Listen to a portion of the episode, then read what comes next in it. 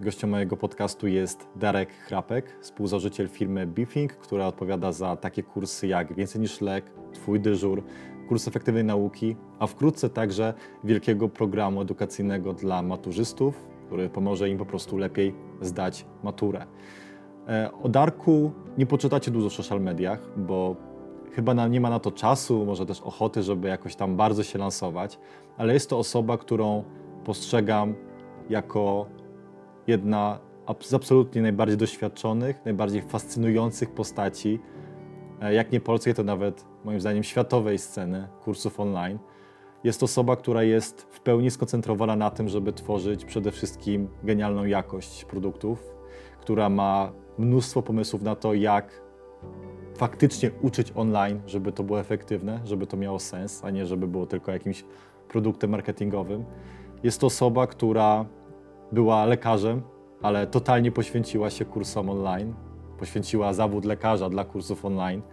Jest osoba, która studiuje psychologię, która studiowała kognitywistykę, która stara się wejść jakby od podstaw w to, w jaki sposób ludzie się uczą i na bazie tej wiedzy, na bazie takiej mocnej wiedzy medycznej, psychologicznej, tworzyć naprawdę dobre produkty.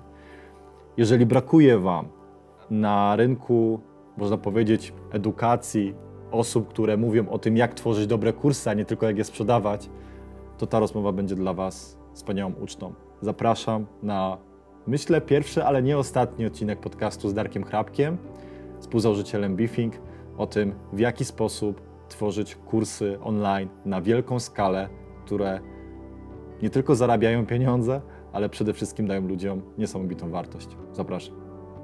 Wczoraj widziałem na Facebooku taką, nief- taki niefajny komentarz. Ktoś, była jakaś konferencja dla programistów, taka stacjonarna, nie? I ktoś dał komentarz, bardzo fajnie, że wr- wróciły stacjonarne, stacjonarna edukacja, bo tylko tak można się uczyć na poważnie, a ten online to ogólnie to jest em, fake. I się bardzo ludzie tam lajkowali to. Jak ty byś odpowiedział takiej osobie? Hmm. Myślę, że. Znaczy, pewnie bym totalnie to zignorował i w ogóle nie dało się w dyskusję. Ale jako, że mamy dzisiaj tutaj sposobność ku temu właśnie, żeby odpowiedzieć na takie pytanie, to się to wejdę w tą dyskusję. Yy, Jest kilka perspektyw, yy, kilka jakby grup osób, które mm, mają bardzo stereotypowe postrzeganie na temat tego, jak może przebiegać edukacja. I myślę, że to jest jedna z grup, tak? Osoby, które są przyzwyczajone do pewnego sposobu uczenia się, do, e, myśl, do myślenia o tym, jakie jest ich zaufane źródło wiedzy, tak? w, tym, w tym rozumieniu drugi człowiek. I jest w tym wiele prawdy, że te metody do pewnego stopnia i w pewnych kontekstach są bardzo efektywne. Dlatego, że spotkanie z drugim człowiekiem wymusza na nas po prostu koncentrację uwagi. E, I dlatego uczenie stacjonarne, które z natury jest nauką synchroniczną, e, daje to poczucie efektów, bo ciągle przykuwa uwagę. Kiedy uczymy się online, w szczególności kiedy uczymy się asynchronicznie, tak? czyli to nie są po prostu spotkania przez internet w czasie rzeczywistym, synchronicznie, jak na przykład cała edukacja w szkole wyglądała w czasie pandemii w Polsce, e, no to ta uwaga inaczej funkcjonuje. Dlatego mamy subiektywne poczucie, że w toku uczenia się online częściej się rozpraszamy, mniej z tego mamy. E, I gdyby rzeczywiście e, jakby jakkolwiek to skwantyfikować, to by się okazało, że większość kursów online rzeczywiście jest mniej efektywna niż kursy stacjonarne, jeśli założymy, że ta nauka online niczym się nie różni od kursów stacjonarnych, niż tym, że widzimy się na odległość. Tylko problem polega na tym, że nauka zdalna czy nauka online to nie są tylko i wyłącznie spotkania na micie. Tak? To nie są tylko i wyłącznie, e, to nie jest tylko i wyłącznie oglądanie nagrań wideo. Tak? Nauka online to właśnie no, sama ta nazwa zakłada, że to jest coś przez internet, tak? Więc trzeba sobie zadać pytanie, czy narzędzia, jakimi są różnego rodzaju platformy learningowe, platformy streamingowe, czy one tak naprawdę są nauką zdalną. To jest takie pytanie, które ja już sobie dłuższego czasu zadaję, dlatego nie wdaję się w takie dyskusje, jak ktoś mnie prowokuje, bo sam zacząłem się zastanawiać nad tym, co, czym my się zajmujemy tak, w Bifinku.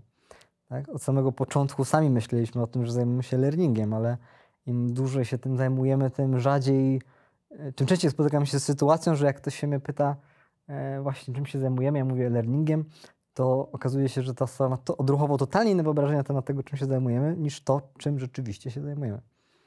A z czego to wynika? To czym się zajmujecie? No właśnie, z czego to wynika? E, Dla mnie na przykład nauka online może mieć bardzo dużo różnych oblicz i niektóre są bardzo stereotypowe i mało efektywne, bo są wykorzystywane przy myśleniu w trakcie projektowania tych kursów, przy myśleniu tak, jakby nauka nadal wydarzyła się synchronicznie i w szkole. I to się tyczy od etapu projektowego, poprzez etap budowania metodyki nauczania, e, aż do ewaluacji efektów kształcenia, poprzez tworzenie samego kontentu, do interakcji y, z, między uczniem, nauczycielem, czy mentorem, a, a kursantem, jakkolwiek by to nie nazwać, e, aż do momentu, powiedzmy, autoewaluacji efektów przez samą osobę, która się uczy. I myk polega na tym, że da się zrobić zdecydowanie więcej niż to, co, do czego jesteśmy przyzwyczajeni. E, I to e, na przykład, my mówimy, że w briefingu, że zajmujemy się learningiem, ale my de facto zajmujemy się tworzeniem podręczników. Tak, my się zajmujemy tworzeniem materiałów edukacyjnych. To jest nasza podstawowa e, jakby treść naszej, esencja naszej pracy. Tak? Ale okazuje się, że te materiały edukacyjne można naprawdę w bardzo fajny sposób ubrać do pewnego momentu, w którym noszą one znamiona kursów e-learningowych i łatwiej jest je sprzedać, nazywając je kursami learningowymi, niż e, inteligentnymi, interaktywnymi podręcznikami do nauki online. Tak? Okej. bo nie ma to swojej do końca nazwy. I teraz z czego to wynika? To wynika z tego, że e, no, y, cechą unikalną naszych produktów jest to, że my mamy zintegrowane treści z platformą. Content i platforma stanowią jedność. Co nie jest częstym rozwiązaniem w świecie, powiedzmy, e, e-learningu. E, Więc z punktu widzenia użytkownika, kiedy ktoś się zapisuje do nas na kurs, to bardziej to doświadczenie przypomina, jakby kupił książkę, wrócił do domu i uczył się w domu sam z książki. Więc pytanie, czy to jest nauka online, czy to jest w ogóle e-learning, tak? Ta książka jest w chmurze, ta książka, ten kurs, czy książka, jakkolwiek by to nie nazwać, bo ostatecznie to, czy ta osoba uczy się w to, z tokiem kursu, czy samodzielnie korzysta z podręcznika wedle własnego uznania, zależy tylko i wyłącznie od tego, jak ten użytkownik zdecyduje się samodzielnie nawiązać interakcję z tym produktem. Więc kiedy ktoś sobie siedzi po prostu w domu, włącza te materiały, owszem, potrzebuje internetu do tego, żeby z tego korzystać, ale co czyni tym, tą całe doświadczenie nauką online, tak? Z perspektywy naszej to jest to, że ta osoba może zadać w każdej chwili pytanie i uzyskać odpowiedź i to, że ten materiał jest stale aktualizowany, tak? Czyli ktoś kupuje jakiś produkt edukacyjny, dostaje to do swojej wirtualnej biblioteki, ta wiedza jest ciągle aktualizowana, jak ma jakąkolwiek wątpliwość, to może zadać pytanie. Więc jedynym elementem, powiedzmy, nauczania zdalnego jest to, że ktoś w trakcie czytania tej książki ma pytanie, zaznacza sobie to miejsce w tej książce, nie rozumiem tego, proszę mi to wyjaśnić, no i dostaje odpowiedź przygotowaną przez opiekuna dydaktycznego, moderatora. Tutaj różne określenia na to mamy. Yy, I ta odpowiedź jest kontekstowo na stałe zamieszczona w tym podręczniku. Tak? Więc to, czym my się zajmujemy, to tworzeniem takich właśnie interaktywnych, elektronicznych podręczników, które, jak to czasami mówimy marketingowo, i nie tylko marketingowo, bo to jest dosłownie prawda, które same odpowiadają na swoje pytania tak? i które kumulują w sobie wszystkie pytania, jakie były do tej pory zadane. Więc na przykład w naszych kursach medycznych yy, mamy 50 tysięcy pytań, tak? podręcznik z całej medycyny, zrobiony na bazie aktualnych źródeł, który jest ciągle aktualizowany i który jest wzbogacony 50 tysiącami pytań, które w ciągu, w ciągu osta- ostatnich pięciu lat 15 tysięcy studentów medycyny i lekarzy zadało do tego materiału. Tak? I każda osoba, która tam wchodzi, kupuje sobie ten podręcznik, nie tylko kupuje tę treść, ten kurs, ale kupuje też wszystkie te już zadane pytania, które się wyświetlą automatycznie wtedy, kiedy ktoś po prostu będzie miał y, tak, taką samą wątpliwość, jak ktoś, kto miał ją na przykład rok temu czy 5 lat temu. A taka sytuacja, jak wiemy, no jest statystycznie pewna, no bo jeśli mamy na slajdzie ograniczoną liczbę materiału, no to ilość pytań, które możesz zadać do tej ograniczonej liczby materiału e, jest stała. Więc to jest złożony temat, bo to zależy od tego, co nazywamy e-learningiem.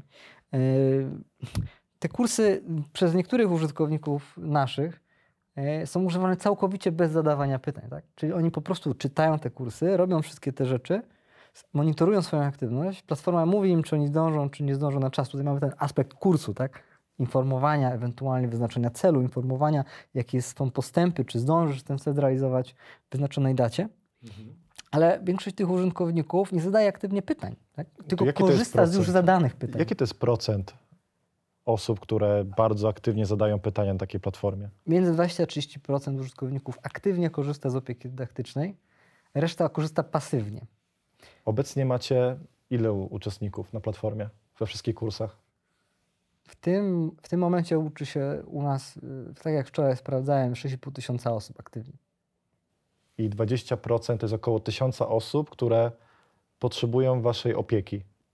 Opieki potrzebują wszyscy, bo yy, problem, jakby problem, to nie jest problem, to jest kluczowa zaleta naszego systemu. Yy, nie ma możliwości, żeby ten współczynnik osób aktywnie zaangażowanych i pytających wyniósł 100%. To by byłaby objawa jakiejś patologii. To by była objawa tego, że metodyka nie działa. 20% osób, między 20 a 30 osób zadaje pytania, a reszta nie. I teraz pytanie dlaczego? No jest masa powodów. Pierwszy jest taki czyst- czysto logiczny do tego samego jednego slajdu, na którym masz dwa zdania, nie jesteś w stanie zadać nieograniczonej liczby pytań. Więc jak one już tam są, to inne osoby nie mogą ich zadać. Więc to jest trochę kto pierwszy, ten lepszy. Druga kwestia jest taka, że bardzo często jest tak, że na większość pytań już są odpowiedzi. Tak? I to jest coś, co stanowi kluczową wartość naszych produktów. Im one są starsze i duże na rynku, tym są lepsze. No bo szansa, że ty jako student kończący studia, chcący podsumować całą swoją wiedzę, wejdziesz tam i w ciągu 12 miesięcy będziesz realizował nasz kurs i że wpadniesz jeszcze na kolejne pytanie, na które nie, wpadło 15 tysięcy innych osób przed tobą, jest bardzo niskie. Ma, małe, tak? po prostu małe. Mhm. Ciekawe. A ostatecznie ta osoba, nawet jak będzie miała pomysł na to pytanie, to zada sobie sama pytanie, czy w tym czasie jest sens zadawać tak wysublimowane pytanie, czy lepiej po prostu lecieć dalej z materiałem, no bo ostatecznie mam ograniczony czas. Więc tutaj się jeszcze pojawia ten aspekt tego, że ci ludzie też myślą kategoriami nakład-efekt i wolą przerobić całą nową lekcję, niż się rozwodzić nad jedną małą kwestią, no bo e, ostatecznie no to ta wiedza jest oceniana w całości. Czy mała liczba pytań wskazuje na to, że to jest lepszy kurs niż ten, gdzie jest dużo tych pytań? Myślę, że, myślę, że nie da się tak tego jednoznacznie porównać. To jest taki aspekt, który, mm, który, który monitorujemy i po, pomimo tego, że mamy już sporo doświadczenia, no bo 7 lat odkąd rozpoczęliśmy pracować nad projektem, 5 lat odkąd aktywnie uczymy, mm, nie da się tego tak stwierdzić, bo to jest bardzo zależne od wielu czynników. Pierwsze to jest przede wszystkim cel kształcenia.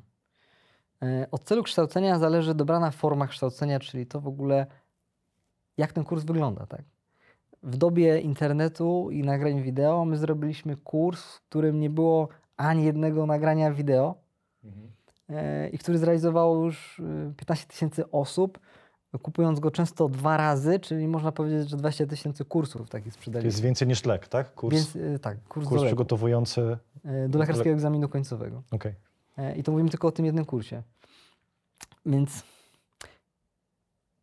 I tutaj już sam ten cel edukacyjny narzuca to, że osoby, które będą zaczynać z dużym wyprzedzeniem, będą miały czas zadawać pytania, a osoby, które e, zaczną uczyć się z naszym kursem na krótko przed egzaminem, nie będą zadawać pytań, bo to nie będzie im się opłacać, bo będą wolały w tym czasie czytać już zadane przez innych pytania i odpowiedzi, albo po prostu realizować lekcje, których jeszcze nie zrealizowali, bo to będzie ostatecznie lepiej zainwestowany czas.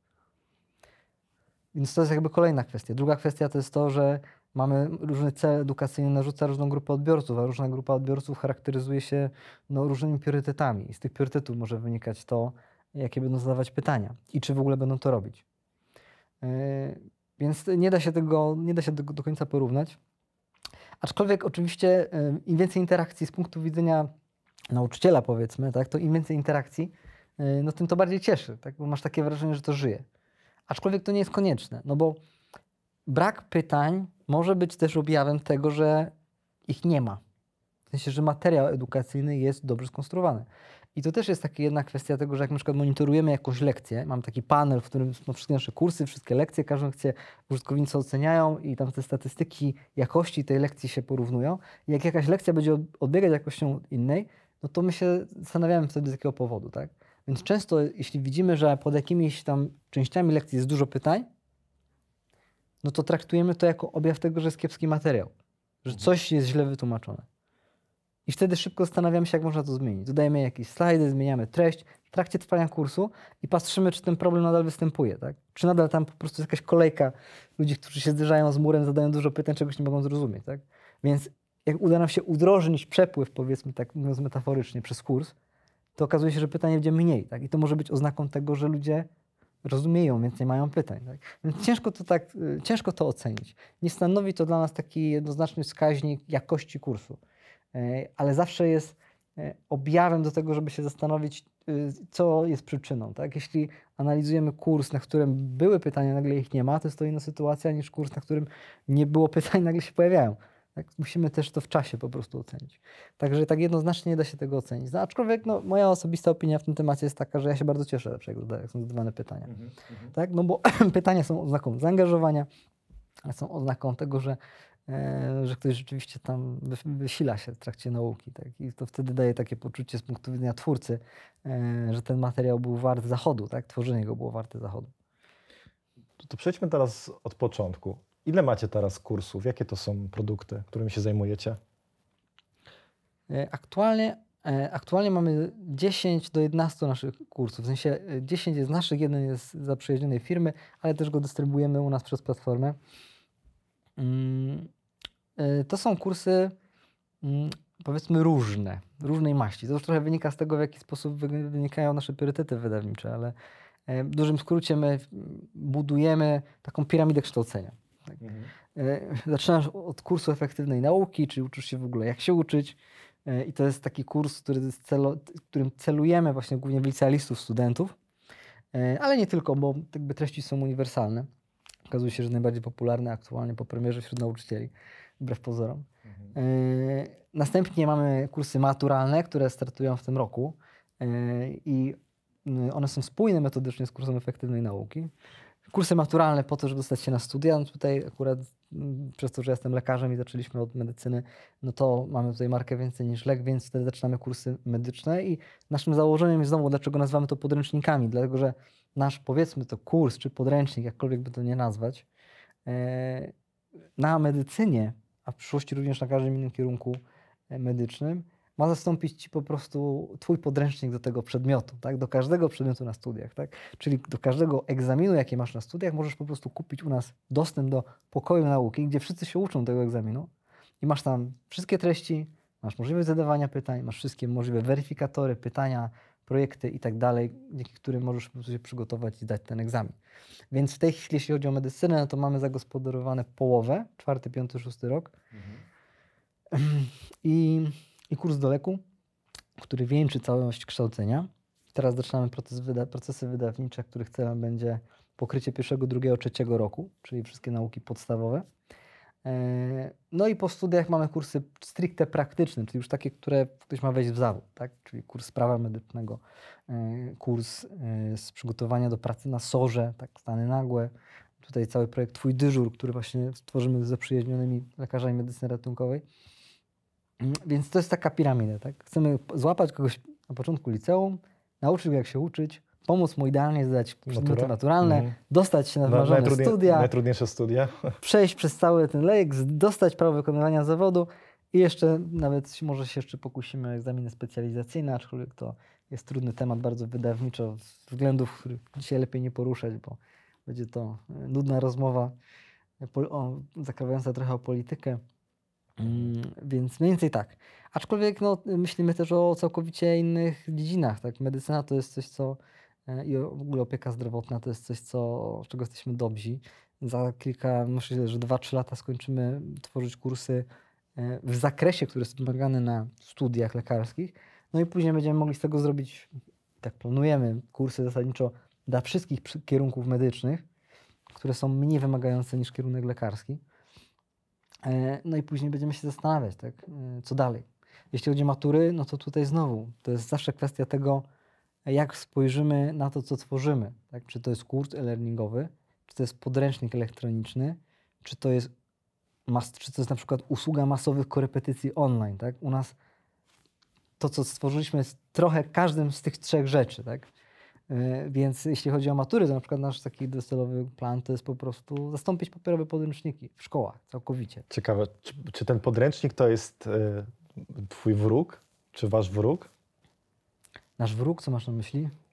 Czy jakby walczycie z tym, żeby ich nie było, czy jakby to jest... Z, z, bo jakby Powiedz, ty rozumiem, co, teraz rozumiem, co Cho- Chodzi o to, że ludzie zajmują się, którzy zajmują się edukacją online, to zazwyczaj nie robią tego dlatego, nie, nie robią tego bez powodu. Na przykład mają jakiś, uważają, że na studia są bez sensu, albo system edukacyjny jest, Ja nie uważam, że zły. studia są bez sensu. Sam teraz skończę trzecie. No, ka- każdy jakiś, jaki, jak, jest jakiś, jakiś purpose. To jakby, czy chodzi o to, że u ciebie te podręczniki są takim złem, które właśnie... Czy, nie, no, absolutnie nie. Podręczniki nie są złem. Em, W ogóle, w, ogóle, w ogóle nie o to chodzi. To bardziej, bardziej jest kwestia tego, że może zacznijmy od- trochę od takiego szerszego kontekstu, wręcz filozoficznego. No, wszyscy stoimy na ramionach jakichś gigantów, tak, którzy byli przed nami. No i jakby praca osób, która stworzyła, tak od, patrząc na tysiąclecia, tak wszystkie biblioteki, całą wiedzę zapisała. to, to jest, no, bez, tego, bez tej wiedzy by nas tutaj nie było. Bez tej wiedzy nie byłoby technologii, której używamy teraz do tego, żeby zmienić formę podręcznika. Podręczniki nie są naszym wrogiem, bo ostatecznie my tworzymy podręczniki, tylko po prostu tworzymy nowsze. Tak jak kiedyś się jeździło konimi, później samochodami, tak za 5 lat będziemy latać dronami. Yy, No tak samo po prostu papier jest jakąś, jakąś formą, jakimś nośnikiem, prawda? Yy, Więc jeśli chodzi o ten papier, tak, no to on ma swoje ograniczenia i warto się nad nimi zastanowić, bo ograniczenia papieru wpływają na jaki sposób myślimy o edukacji. Na przykład edukacja musi być liniowa. No bo książka jest liniowa, nie da się inaczej jej złożyć. Byłoby to bardzo trudne. Tak? Byłaby to bardzo kiepska książka, gdyby ona nie była liniowa. Yy, Na kursie, który jest stworzony po prostu z zer i jedynek, tego nie ma. Nie musisz liniowo yy, zakładać tego, że przeprowadzasz wszystkich przez proces kształcenia. Yy, Możesz sobie pozwolić na jakieś dygresje. Jeśli kogoś to zainteresuje, ktoś może gdzieś wejść głębiej. Możesz kontekstowo wyświetlać interaktywne treści. Yy, Możesz sobie pozwolić zdecydowanie na bardziej rozbudowane treści wizualne niż na papierze. Twój sposób myślenia całkowicie inaczej będzie przebiegał, kiedy projektujesz kurs, który nie ma ograniczeń podręcznika. Inaczej będziesz myślał w ogóle o procesie wydawniczym, inaczej zbudujesz całe, całą firmę. Na przykład my, pomimo tego, że mamy ogromne doświadczenie wydawnicze, nie jesteśmy w stanie napisać podręcznika. Bo już mamy tak spaczone myślenie tym, jaki sposób może, jak technologia wpływa na to, jaki może właśnie treść edukacyjna ym, być stworzona, y, że myślimy innymi kategoriami. Tak? Na przykład w ogóle nie ma tej, tej kwestii kosztów druku, tego ile koloru może być na, na papierze. Tak? E, My czasami się zastanawiamy, gdzie jest zdrowy rozsądek, jeśli chodzi o to, żeby już nie tworzyć kolejnych ilustracji do jakiegoś kursu. Tak? Bo zrobiliśmy jeden kurs, na którym było 1500 grafik, no to okazywało się później, że samo przeanalizowanie tych grafik już zajmowało kilkadziesiąt godzin tym ludziom. Tak? A to były tylko grafiki wspomagające zrozumienie treści, które też trzeba przeczytać. Tak? Tak, bo tam w ogóle nie było ograniczenia treści. Tak? Ten kurs mógł być dużo bardziej bogaty. Y, Więc no, dużo jest takich kwestii, które na to wpływają.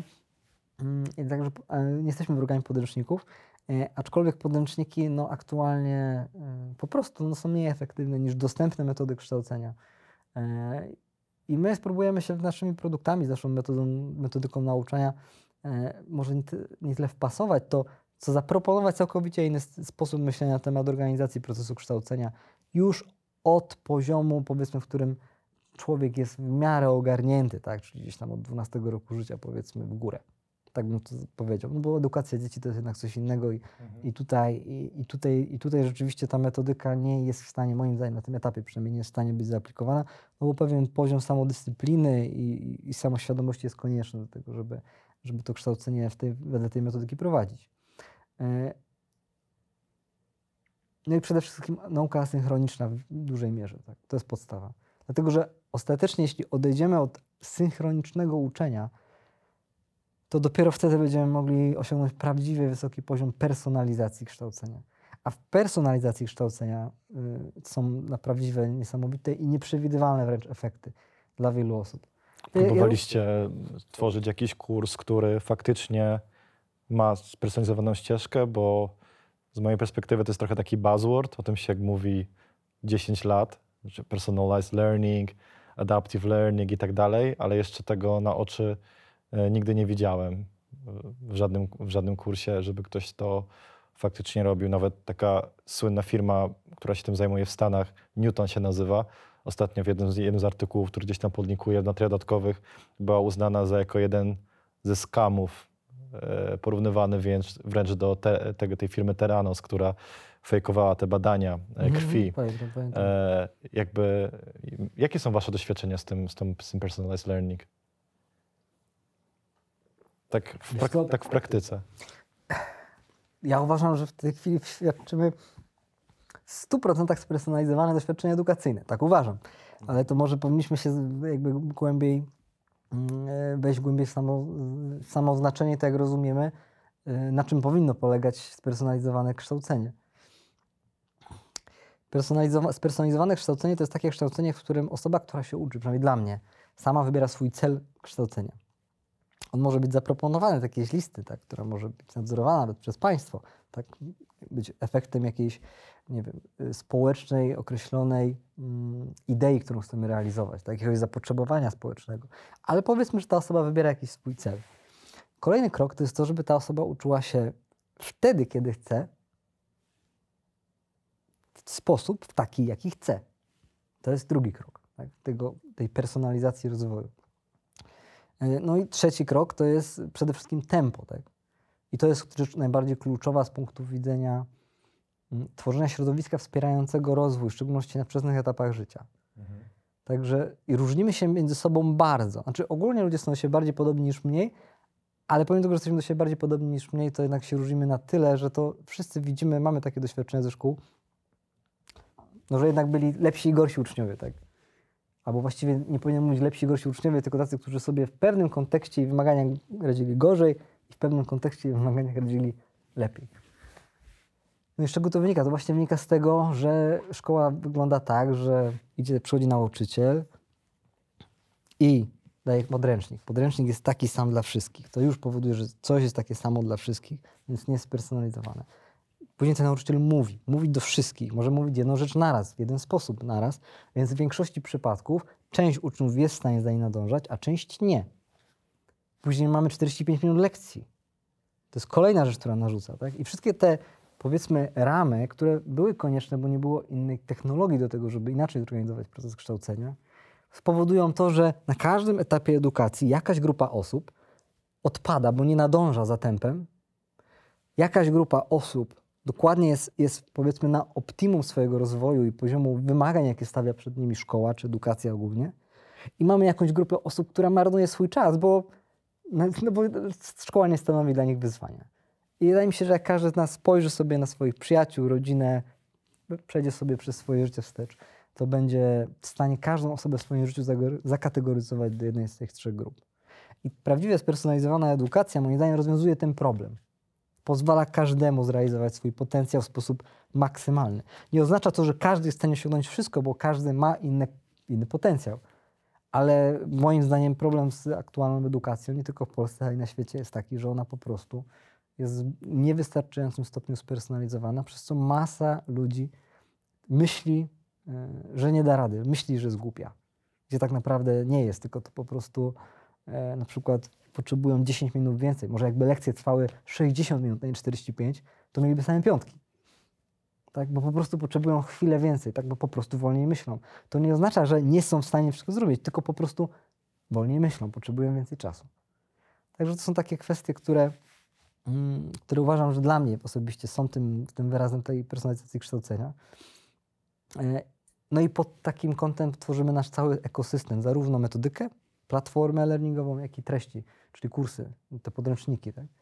e, które tworzymy. Także jak ktoś u nas się zapisuje na kurs, no to pierwsze co robi, to wybiera swój cel edukacyjny, który e, jest wyrażony w jakiejś formie albo egzaminu, albo własnego celu. Później wybiera datę i później wybiera tempo.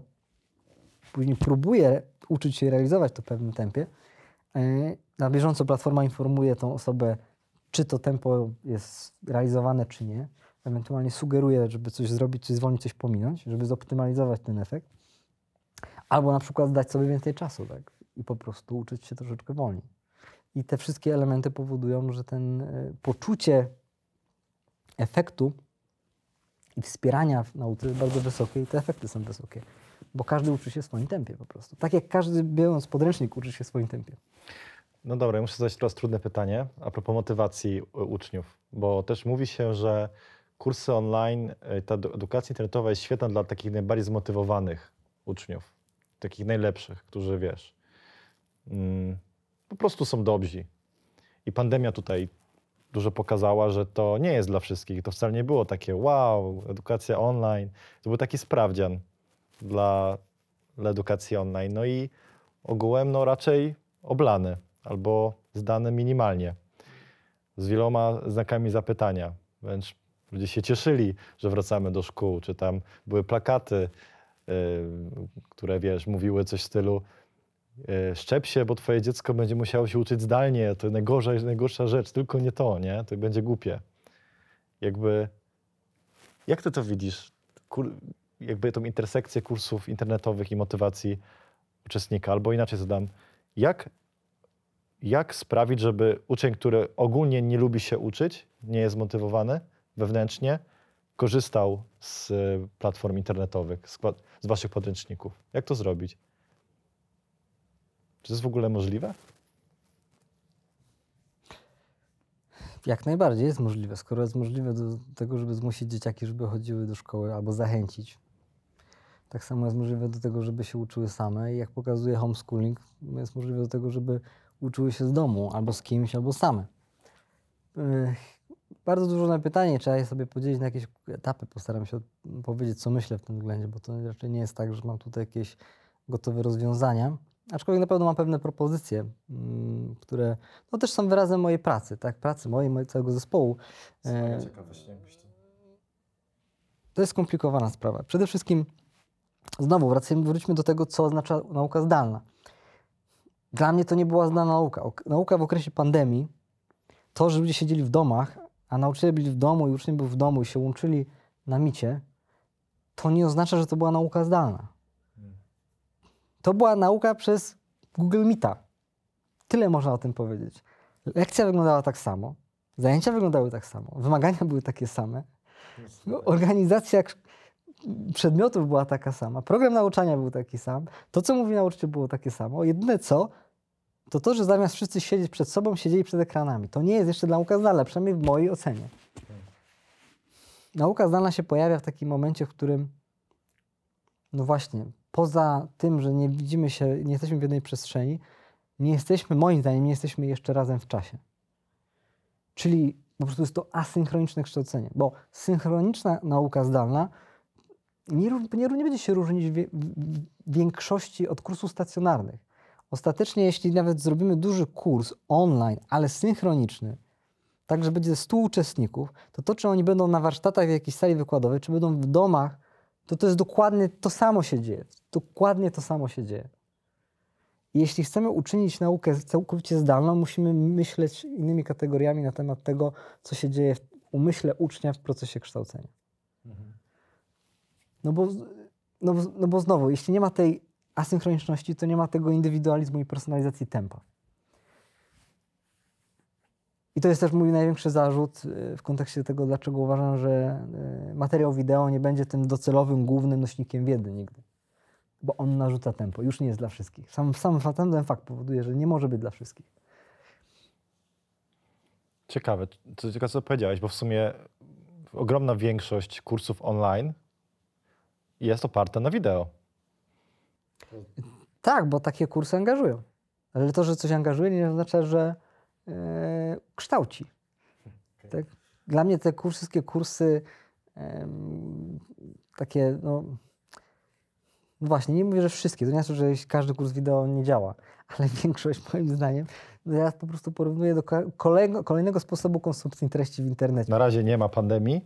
Oficjalnie zostało to, że tak powiem, Tak, odwołane. Jesteśmy w stanie przedpandemicznym. Stan przedpandemiczny. Za chwilę będzie znowu. To teraz mamy czas, żeby się przygotować powiedzmy do kolejnego, do kolejnej pandemii, bo może nie wiem, czegoś y, znacznie gorszego jeszcze.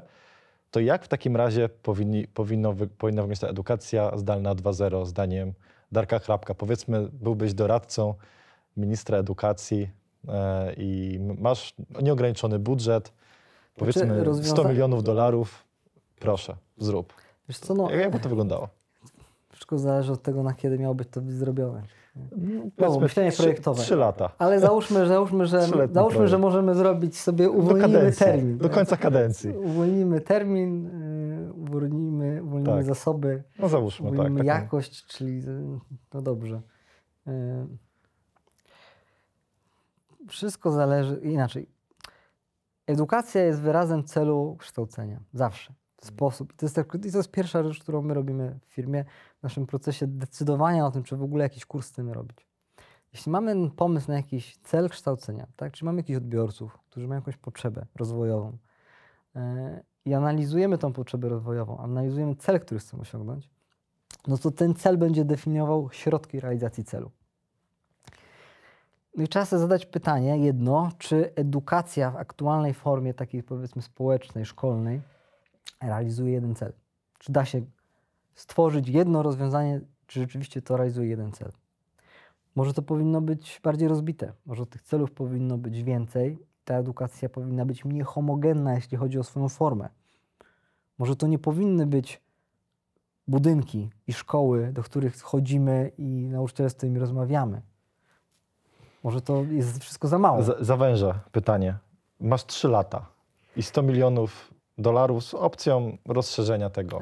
Ja ciągle odpowiadam na to pytanie, no bo to zależy od tego, jaki cel ma ta edukacja spełniać. Ale załóżmy, że ma spełniać taki sam jak teraz. Mhm. Tak? Czyli przygotować człowieka do wejścia e, do, powiedzmy, do dorosłości, do wejścia na rynek Inaczej, pracy. ważne, żeby się nie cofnął w rozwoju w przypadku pandemii, chociaż to, żeby nie było takiego wrażenia, E, znaczy, że, wiesz, pandemia no, była nieprzewidywalna. że, że dzieci po prostu są, mają teraz rok, rok stracony, nie?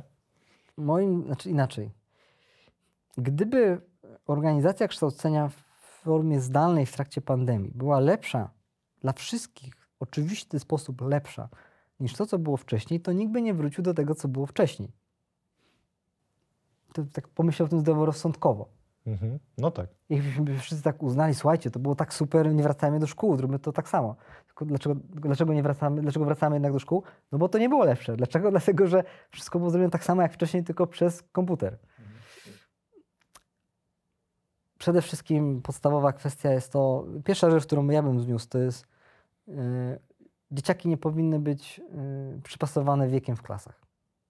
Wiek nie jest w żaden sposób reprezentatywny, w sensie jakimkolwiek miernikiem. To jest tylko i wyłącznie pewien pomysł, przyzwyczajenie z przeszłości, yy, brak wynikający z braku zasobów albo z braku pomyślunku, albo z braku wiedzy. Aktualna wiedza jest taka, że moim zdaniem w ogóle nie powinno być tak, że y, to w jakiej klasie jesteś wynika z tego, ile masz lat. Tylko to powinno wynikać z tego, ile wiesz i co chcesz zrobić. Ile umiesz. Kolejna kwestia jest taka, że dzieciaki nie mogą przeskakiwać dalej w szczeblach rozwoju szybciej niż co roku. Tak? Małe wyjątki osób są przesuwane, powiedzmy, w przód. Tak? A to powinno być całkowicie płynne. Każdy powinien mieć swój indywidualny plan, który realizuje. Ten plan może być nawet dla każdego taki sam, ale niech każdy ma możliwość realizacji go w swoim tempie. I w tej chwili pojawia się pytanie o rolę nauczyciela. Tak? Cały nasz system kształcenia jest zbudowany na pewnym pojęciu tego, jaką rolę pełni nauczyciel. I to jest znowu kolejna koncepcja i kolejna rola, która wymaga całkowitego przebudowania. Tak? Ja staram się myśleć yy, kategoriami tego, że nauczyciel przede wszystkim powinien być dostarczycielem, czy też nawet kreatorem wiedzy, kreatorem okazji do nauki i facyty, facyli, facylitatorem tego, facylitatorem nauki. Tak, czy powinien ją wspierać. I tutaj, yy, i to jest, no i znowu, to jest taka podstawowa, podstawowa kwestia, więc moim zdaniem powinniśmy wszystkie podręczniki papierowe zamienić na y, platformy learningowe, na różnego rodzaju portale edukacyjne, interaktywne książki, które odpowiadają na pytania uczniów.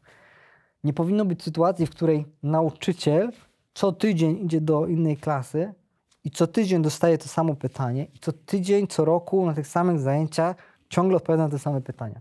To pomyślmy, jaka to jest strata czasu.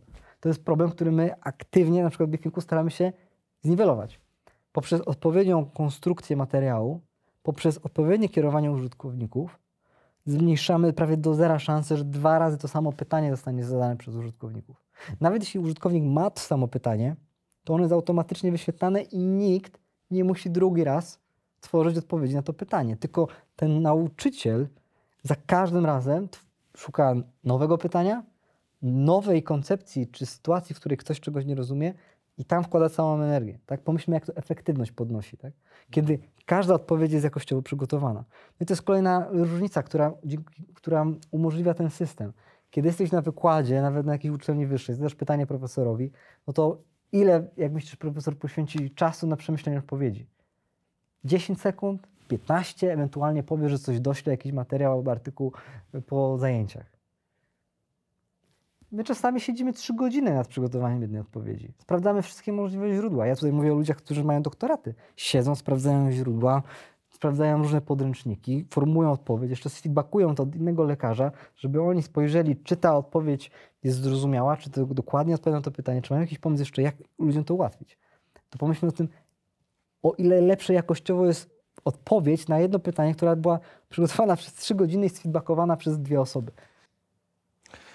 Ciekawi mnie, że biorąc pod uwagę ten moduł pytań i odpowiedzi, jaki on jest istotny, e, i załóżmy, że obejmujemy tym milion uczniów, to ile potrzebujemy ludzi, żeby obsługiwać ten milion uczniów w tym momencie? I jak to wygląda w, w Biffinku? Ile wy macie ludzi do samej obsługi właśnie tych pytań, kursantów?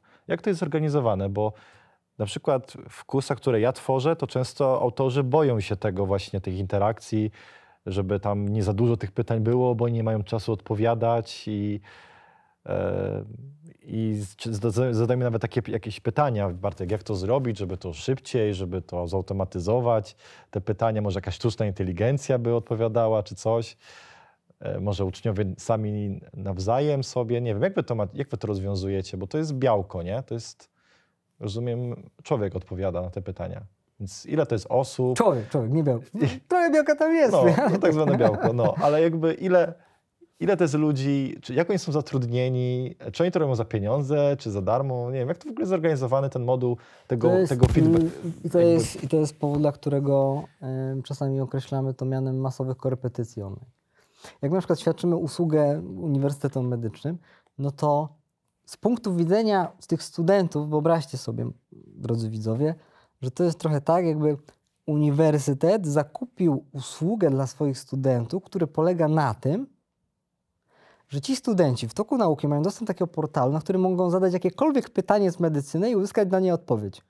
24 godziny na dobę. Szybko. To nie ma znaczenia. No my odpowiadamy różnie, czasami po 20 minutach, czasami po dwóch dniach, wszystko od pytania. Ale nadal z punktu widzenia twojego jako studenta, który się uczy, na większość pytań już masz te odpowiedzi, one się automatycznie wyświetlają. Ciekawe, czyli tak jak się mówi w kursach online, że content to nie jest jakby ta główna wartość, ludziom się tylko to... Znaczy, content, content jest główną wartością, Jest, tylko okej. pomyślmy o tym, i to jest jedna z, jedna z części odpowiedzi na, moje, na Twoje pytanie. E, Dla nas odpowiadanie na pytania jest częścią procesu wydawniczego. My traktujemy przygotowanie odpowiedzi jak przygotowywanie kontentu, dlatego że my jesteśmy świadomi tego, że ta odpowiedź zostanie wbudowana w content i zostanie tam na zawsze. Ona będzie stanowić naturalne rozszerzenie. Dlatego im dłużej kurs jest na rynku, tym jest bardziej dopracowa- dopracowany, tym jest bardziej uniwersalny, bo odpowiada na więcej wątpliwości, więc więcej osób nie będzie miało problemu z przyswojeniem tych treści. I to wynika z tego, że dzięki zaangażowaniu użytkowników, oni wchodzą, oni nam mapują wszystko, wszystkie niezrozumienia, wątpliwości i pytania, jakie rodzą się do jakiejś partii materiału, my na to albo delikatnie zmieniamy ten materiał, albo opracowujemy odpowiedzi wokół niego, które są podczepiane i każda kolejna osoba, która podchodzi pod to, przepływa coraz szybciej, coraz szybciej, coraz Czyli szybciej. pierwsza edycja kursu generalnie to to jest jakiś taki, może nie badziew, złe słowo, ale Nie, pierwsza edycja kursu yy, to jest najbardziej wymagająca dla zespołu opiekunów, tak? No bo tych pytań jest y, o, bardzo dużo, tak. Oczywiście to też zależy od tego, jak jest dobrze content stworzony sam w sobie, ale, yy, ale tak, no to są najbardziej wymagające, najbardziej wymagające y, sy- sytuacje. Na przykład na kursie do LEK po pięciu latach doszliśmy do momentu, w którym mieliśmy na wszystkie, na wszystkie odpowiedzi udzieliśmy, yy, na wszystkie pytania udzieliśmy całkowitej odpowiedzi i wszyscy nie mieli co robić, tak. Non-stop napływały. No to jest, wiesz, 50 tysięcy pytań. Trochę tego było w ciągu pięciu lat. A jeśli chodzi o to, ile osób pracuje, no to zależy od etapu roku, od sezonu, od tego, jaki mamy, jaką mamy koniunkturę, jakie są wymagania na egzaminie, jaka, jak się zmienia ustawa o kształceniu lekarza. Wiele rzeczy na to wpływa. No na kurs powiedzmy, tysiąc osób w kursie. To ile przypada osób, które odpowiadają na pytania? Ile jest potrzebnych? Zależy od etapu. Eta, ale etatów, kiedy, jesteśmy, etatów powiedzmy. kiedy jesteśmy na takim stabilnym etapie, to dla przykładu teraz na kursie dole, jak mamy 5000 osób, mm, no i całą opiekę nad tymi pięcioma, pięcioma tysiącami osób prowadzi 12 osób zatrudnionych na pół etatu. To jest konkret. Czyli 5000 studentów, 12 osób na pół etatu, czyli 6, 6 etatów. 6 etatów, Żeby, czyli żeby około jednego etatu na 1000 osób w kursie Który już- asynchronicznym. Tak, w którym już jesteśmy Hmm. całkowicie stabilni, na stabilnym etapie, czyli już jest większość pytań odpowiedzianych. I Okej. Czyli na początku jest tego więcej, tak? tak, tylko że na początku jest mniej osób. No Mhm. bo jak startujesz, to od razu nie masz 5 tysięcy No, osób. ale załóżmy, że chciałbym dać tutaj tak trochę... W sensie tutaj, aktywnie uczących się, tak? E, Chciałbym Bo cię troszkę osób, zainspirować. 5 tysięcy masz osób. 100 milionów, nie przejmujesz się tam przychodami, powiedzmy, masz. Jakby tak idealnym, w idealnym świecie, w którym za, załóżmy, że ktoś poszedł po rozum do głowy i zamiast na kolejny stadion daje na edukację. Mm, Inaczej, I, i, nie ma, i pieniądze nie są tutaj problemem, tylko znowu, y, efektywność tego, nie? Znowu, Procesu. to, to nie idzie proporcjonalnie. Skoro mamy u nas, skoro mamy na jednym z naszych kursów w Bifinku 12 osób na 5 tysięcy aktywnych użytkowników, to nie oznacza, że na 10 tysięcy osób będzie 24. Mhm. Może oznaczać, że będzie 14. Mhm, mhm. Bo to po prostu spa- im więcej użytkowników, tym to, to, ta ilość pytań nie, nie, jest, nie jest w stanie przyrastać. Dlatego, że ilość pytań do danej partii materiału jest ograniczona. One się, te pytania się wypstykają. A czy mieliście jakieś doświadczenia z takim peer review, gdzie ludzie odpowiadają sami sobie, uczestnicy uczestnikom, a nie jakiś moderator? My staraliśmy się zbudować taki system, e, żeby jeszcze zaangażować wszystkich e, właśnie najlep najlepszych e, naszych kursantów do tego, żeby pomagali innym w nauce. Ostatecznie niestety to nie zadziałało. E, Jest, jest wiele powodów, ale główny jest taki podstawowy psychologiczny. E, Na naszych kursach, na naszych kursach mamy bardzo konkretne cele kształcenia, które mają bardzo duże życiowe implikacje zawodowe.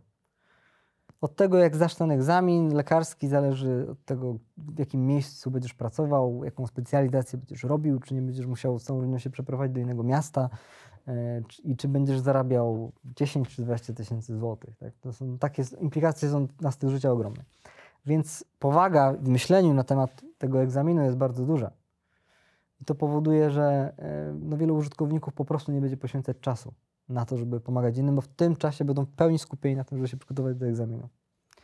I to jest pierwszy powód. Drugi powód jest taki, że mamy takie psychologiczne zjawisko tak zwanego autorytetu. Na czym to polega? No, wyobraź sobie sytuację, w której y, si- siedzimy tutaj w trójkę, jest jeszcze jakiś pan profesor y, i, i on odpowiada na każde twoje pytanie. Nawet jak ja znam odpowiedź. Ale pan profesor na chwilę wychodzi i zadajesz mi pytanie. Ale ja nawet ci odpowiadam na nie. Ale ty wiesz, że on jest profesorem. Ty wiesz, że on wie lepiej, więc wolisz poczekać trzy minuty, aż wróci z toalety i jeszcze potwierdzi. I to się wydarzało u nas na kursach. Dużo użytkowników odpowiadało na pytania innych użytkowników, ale tamci pozostali użytkownicy i tak prosili, żeby zespół to potwierdził. A, i tak czekali, aż przyjdzie, y, przyjdziesz z toalety i odpowiesz. Dokładnie tak. Więc na pewnym etapie ludzie przestali zadawać pytania, bo wiedzieli, że ostatecznie przestali odpowiadać na te pytania, bo zauważyli, że ludzie tak będą czekać, rozpowie nasz zespół dydaktyczny. Ciekawe. Więc przyzwyczajasz ludzi do dobrego po prostu. E, I ludzie już do tego, to, to już trochę wynika z tego systemu. Ale ostatecznie się zaakceptowaliśmy to jako wydawnictwo i e, w tej chwili całkowicie skupiliśmy się na tym, żeby dokładnie to robić, bo okazało się, że to jest część naszej korowej usługi. E, I dokładnie na to jest potrzeba. Na to, żeby za, móc zadać komuś zaufanemu pytanie, kto nie tylko zna odpowiedź, kto jeszcze to sprawdzi w źródle, poświęci godzinę na to, żeby przygotować ci wysokiej jakości odpowiedź i ją wysłać. To nie jest, e, to, te odpowiedzi, one są naprawdę przygotowane po prostu, no, tak mówię, to zajmuje czas. Jeśli idziesz na korepetycję, na przykład, nie wiem, do matury, na godzinę do kogoś, to masz całą partię materiału. To wyobraź sobie, że my godzinę poświęcamy na jedno pytanie. Mówimy tutaj o jakości tej odpowiedzi. Mega ciekawe. To teraz Miecho. Daro. Proces wydawniczy. Jak to u Was wygląda? Ogląda nas pewnie kilkaset osób, która tworzy kursy. Mniejsze, większe. Jak to wygląda u Was? Jak wy, jak wy podchodzicie? Mogę Ci powiedzieć, większość ludzi tworzy kursy raczej intuicyjnie, mocno na czuja. Tak jak im się wydaje, że będzie dobrze. Siadają wieczorkiem, piszą scenariusz, potem to nagrywają, wrzucają na jakąś platformę i jakoś to leci. Nawet się ludziom podoba. Jak to wygląda u Was? No, u nas to zdecydowanie bardziej przypomina tworzenie podręcznika. Jakbym miał tak zdradzić wszystkie nasze. Czy jak, jak wygląda pisanie podrę... tricks, to Jak to wiesz, wygląda pisanie podręcznika? cały- Bo myślę, że Cały nasz know-how. myślę, że nikt nas. No może kilka osób, która napisała w życiu jakiś podręcznik, nie, nie książkę, tylko podręcznik, bo są dwie różne Mhm. formaty. To jak, jak, jak, to, jak, jak wygląda taki Y, krok po kroku? Są takie są trzy etapy. Pierwsza, Powiedzmy kurs fizyki y, w lice, licealnym. Robicie kurs przygotowujący ludzi do fizyki, e, są trzy etapy. matury z fizyki. E, Trzy etapy są. Pierwszy etap to jest etap prac koncepcyjnych. Mhm. E, Drugi etap to są etap, jest etapem pracy wydawniczej. Okej. E, I trzeci etap to jest już działający kurs, czyli to jest tak zwana faza aktywna. Czyli koncepcja, y, moduł wydawniczy i działający kurs. Tak, i ten, ten, działający, ten działający kurs to jest po prostu wtedy, kiedy ludzie już się uczą. To Okej. nadal jest część procesu wydawniczego. No bo kluczowy jest ten feedback, tak? No tak, no bo wy nie kończycie roku- na tym, wykoń- skończony, wypuszczony i nara kolejny, tylko to jest, obserwujecie, Tak, Każdy nasz kurs, który ulepszacie. tworzymy, tak, to jest ważna rzecz, każdy kurs, który tworzymy, wchodzi na rynek i się ciągle rozwija. Mhm. My nie tworzymy kursów, które wrzucamy, robimy je przez pół roku i robimy inne i w tych, w tych kursach nic nie ma. Czyli to nie jest takie pasywne e, zarabianie na kursach. no tak się mówi, nie? że kurs online to jest metoda pasywnego zarabiania pieniędzy. Raz, Posiad- raz zrobisz i potem Trzeba by doprecyzować, to znaczy pasywnie, w sensie, że nie musisz Mhm. nic składać energii. Że nie musisz tego No. właśnie zmieniać, e, wkładać energii. Samo się sprzedaje i samo, samo ludzie no my takich, my, to, my, to, to, to, my, to chyba nam się nie udało. Okej. A co nie zmienia postaci rzeczy, że ja uważam, że to, co nam się udało, jest teraz lepsze od takiego czegoś. No dobra, ale to, to jak wygląda ta koncepcja? Bo to jest tak faktycznie, e, e, na przykład dla naszych klientów, to ta, te nagrania, to tam produkcja, to tam spoko, oni to rozumieją, ale ten, jak wygląda to przygotowanie, ta właśnie praca od, od pustej kartki? To jest coś, od czego my w ogóle zaczęliśmy na samym początku, czyli 7 lat temu. No, po prostu wzięliśmy grubą literaturę pedagogiczną, biologiczną, psychologiczną i po prostu naprawdę przyswoiliśmy cały kawał wiedzy. Mhm. Z tego kawałka wiedzy budowaliśmy metodykę, metodykę projektowania doświadczeń edukacyjnych. I z tą metodyką projektowania doświadczeń edu- edukacyjnych możesz zaprojektować każdy typ doświadczenia. Od książki poprzez program na studia. Poprzez kursy e-learningowe, takie, takie, takie, takie, warsztaty, wykłady, wszystko. Możesz wziąć każdą formę i wykorzystać ją w tej metodyce ją przygotować. I teraz jaką rolę odgrywają te wszystkie rzeczy, które wymieniłem? Są tylko jednym ze środków w tej metodyce. Tak? Czyli ta metodyka polega na tym, że mamy pięć warstw projektowych. Mamy warstwę metodyczną, warstwę merytoryczną kursu, warstwę kreatywną, warstwę społecznościową i warstwę motywacyjną. W każdej z tych warstw mamy dziesiątki zasad projektowych, czyli konkretnych założeń dydaktycznych, pedagogicznych, różnych, psychologicznych, których musimy pamiętać w trakcie projektowania kursu. One wynikają z, psycho, z, y, w dużej mierze, przede wszystkim, jakby tak to uprościć, to wynikają albo z psychologii motywacji, Czyli taka wasza, psycho- wasza taka checklista, tak? Że po prostu... Nawet nie powiedziałbym, że checklista. To jest bardziej nasze, nasze, nasza kanciapa z narzędziami. Mhm. Naszymi młotkami, naszymi Okej. piłami, Okej. naszymi, szy- naszymi, nie wiem... Jaki jest beton- przykład takiej, takiej, kań, takiej kanciapy? Jak jest, możesz zacytować, zasady? jakie za, zacytować jakąś zasadę? Jak ona jest E, sformułowana? No, na przykład jest takie coś jak zasada kontekstu. Mhm.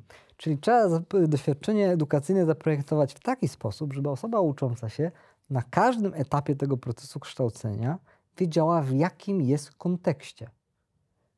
Dlatego, że kontekst to jest pewien zbiór relacji, tak? czyli ta osoba musi wiedzieć, jakie relacje ją łączą w tej chwili z materiałem, z celem kształcenia, jaka jest relacja pomiędzy tym, czego się uczy, a celem kształcenia, dlatego, że to pozwala jej się orientować w przestrzeni. Dlatego, że z punktu widzenia takiego psychologicznego kurs to jest pewna podróż. Kiedy uczysz człowieka, to jest dokładnie tak, jakbyś mu tłumaczył pewną drogę do celu.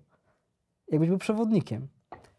Pojawia się w głowie pewne wyobrażenie i to utrzymywanie kontekstu na każdym etapie w trakcie procesu kształcenia jest bardzo ważne. Po pierwsze, bo kontekst nadaje znaczenie informacjom. Czyli ta osoba dzięki temu kontekstowi rozumie odruchowo, dlaczego to, czego uczy się, jest ważne. Mhm. A to jest bardzo ważne, dlatego że to wpływa na motywację. Mhm. Tak? Dzięki temu sukcesywnie ta osoba, idąc przez materiał, który ona sama ocenia jako wartościowy dla celu kształcenia, ona nie będzie miała problemu z motywacją i będzie chciała, będzie naturalnie miała napęd do tego, żeby przebijać się y, przez materiał. To jest taki przykład. Jest tego więcej. Tak? Tego, tych zasad jest bardzo dużo, one są bardzo różne. No, może być na przykład taka zasada jak zasada rozkładania nauki w czasie. E, Czy w- w jaki sposób dostać dostęp do tych zasad? E, można zapisać się na mój kurs efektywnej nauki, tam połowa jest. Naprawdę? Tak, połowa tych zasad. Myślałem, że powiesz, że to jest sekretna wiedza i generalnie... To nie jest sekretna wiedza, no bo ta cała wiedza jest w tych wszystkich książkach. My tylko po prostu sobie zopery- zoperacjonalizowaliśmy tę za- tę jakby tą wiedzę w formie zasad, po to, żeby móc w zespole łatwo się komunikować skrótowo i odnosić do pewnej wiedzy. Tak samo jak lekarze w medycynie mm, odnoszą się w trakcie leczenia do pewnej wiedzy, mogliby to nazwać jakimiś konkretnymi zasadami. Po prostu sobie to nazwaliśmy. Coś, co jest oczywiste. Tak? Czyli twój kurs, kurs efektywnej nauki, des, jakby to jest taka, ese, jakby Taka esencja. esencja, Tak. czyli przechodząc ten kurs, biorąc w nim udział, mogę sobie wydestylować te zasady, z których, których wykorzystacie, żeby tworzyć. To myślę, że, myślę, że, myślę, że nie, nie skłamię, jest- jeżeli powiem, że Tak. chciałbym trochę komplement. Największą w Polsce platformą learningową, myślę, że najszybciej się rozwijającą, największy zespół, największe przychody. E, to tam właśnie można znaleźć odpowiedzi na to, jak wy to robicie. Y, moim zdaniem tak. Tak, co mogę powiedzieć. No, połowy, tych zasad jest około 60. Na kursie efektywnej nauki ja przedstawiam 30, a jak ktoś dobrze się skupi i sobie to przeanalizuje, to jest w stanie kolejne 30 wyabstrahować z tych pierwszych 30. One są po prostu bardziej wysublimowane, bardziej kontekstowe. Ale nasza metodyka, ona nie jest na poziomie dydaktycznym, nie jest rewolucyjna za bardzo. Tak? Ona bazuje naprawdę na dobrze ugruntowanej wiedzy, takiej psychologicznej, biologicznej, dotyczącej tego, w jaki sposób się rozwijamy, w jaki Okej. sposób percepcja zachodzi, tak, w jaki sposób y, materiał edukacyjny powinien być sformatowany, slajdy, jak w ogóle to wszystko powinno wyglądać. Tak? A jaki zespół w takim razie? Bo macie te zasady, rozumiem, że to jest jakby mega ważny, ważny element i ciekawi mnie zespół, jaki pracuje nad takim kursem. Powiedzmy, że przykład, kurs przygotowujący ludzi do tej matury z fizyki. To jaki, jakby, jak byś sformułował taki team idealny? Też idealny, no realny po prostu. Jak, jak to w praktyce wygląda, bardziej mnie tutaj interesuje. To, No, to, to, tam mogę rzec? No, moim zdaniem nasze zespoły są idealne pod tym kątem i tutaj Mhm. jest bardzo wiele czynników, które braliśmy pod uwagę. Y, Z punktu widzenia takiego stricte merytorycznego, no to oczywiście te osoby, które tworzą taki zespół, muszą mieć kompetencje stricte merytoryczne, tak? czyli muszą być nauczycielami, osobami po tych studiach przedmiotowych, najlepiej korepetytorami albo egzaminatorami CKE, czyli osobami, które doskonale wiedzą, czym jest matura, jak do niej przygotowywać, jakie, z czym się ona wiąże i tak dalej. Mhm. To jest jakby pierwsza kwestia. Druga kwestia jest, byłoby super, jakby te osoby były reprezentantami różnych pokoleń. Dlatego znowu, że ze, zespół projektowy, Ciekawe. yy, u nas w tej chwili zespoły są sześcioosobowe do każdego przedmiotu maturalnego. Yy, to są przedstawiciele różnych pokoleń. Yy, Jest wiele plusów z tego. Tak? Różnica wieku u nas w zespole pomiędzy osobami sięga 20 lat. W tym samym, w tym samym zespole projektowym. Mm. Prawie.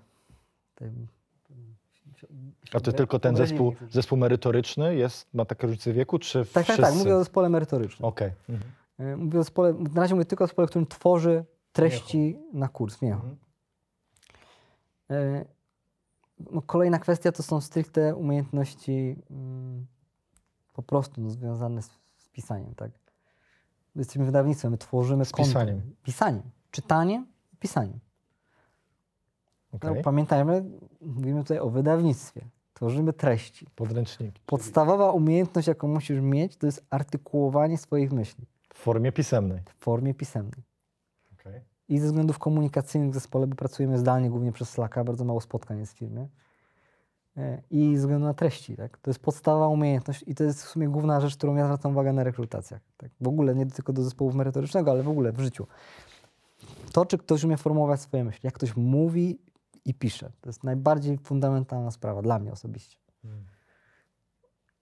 No i zasadniczo, no i to i co zostaje? Zostają, zos- zostają te kompetencje yy, stricte komputerowe, tak? No bo Kreatywne, tak? W sensie komputerowe, jeszcze kreatywne, nie komputerowe, stricte.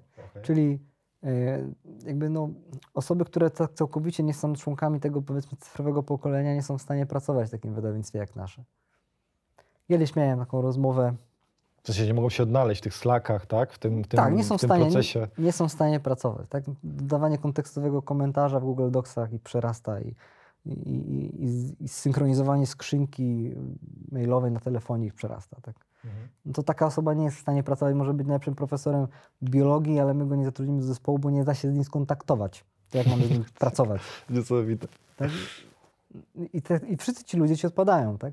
Masz niesamowity kapitał wiedzy wśród bardzo wielu osób w Polsce.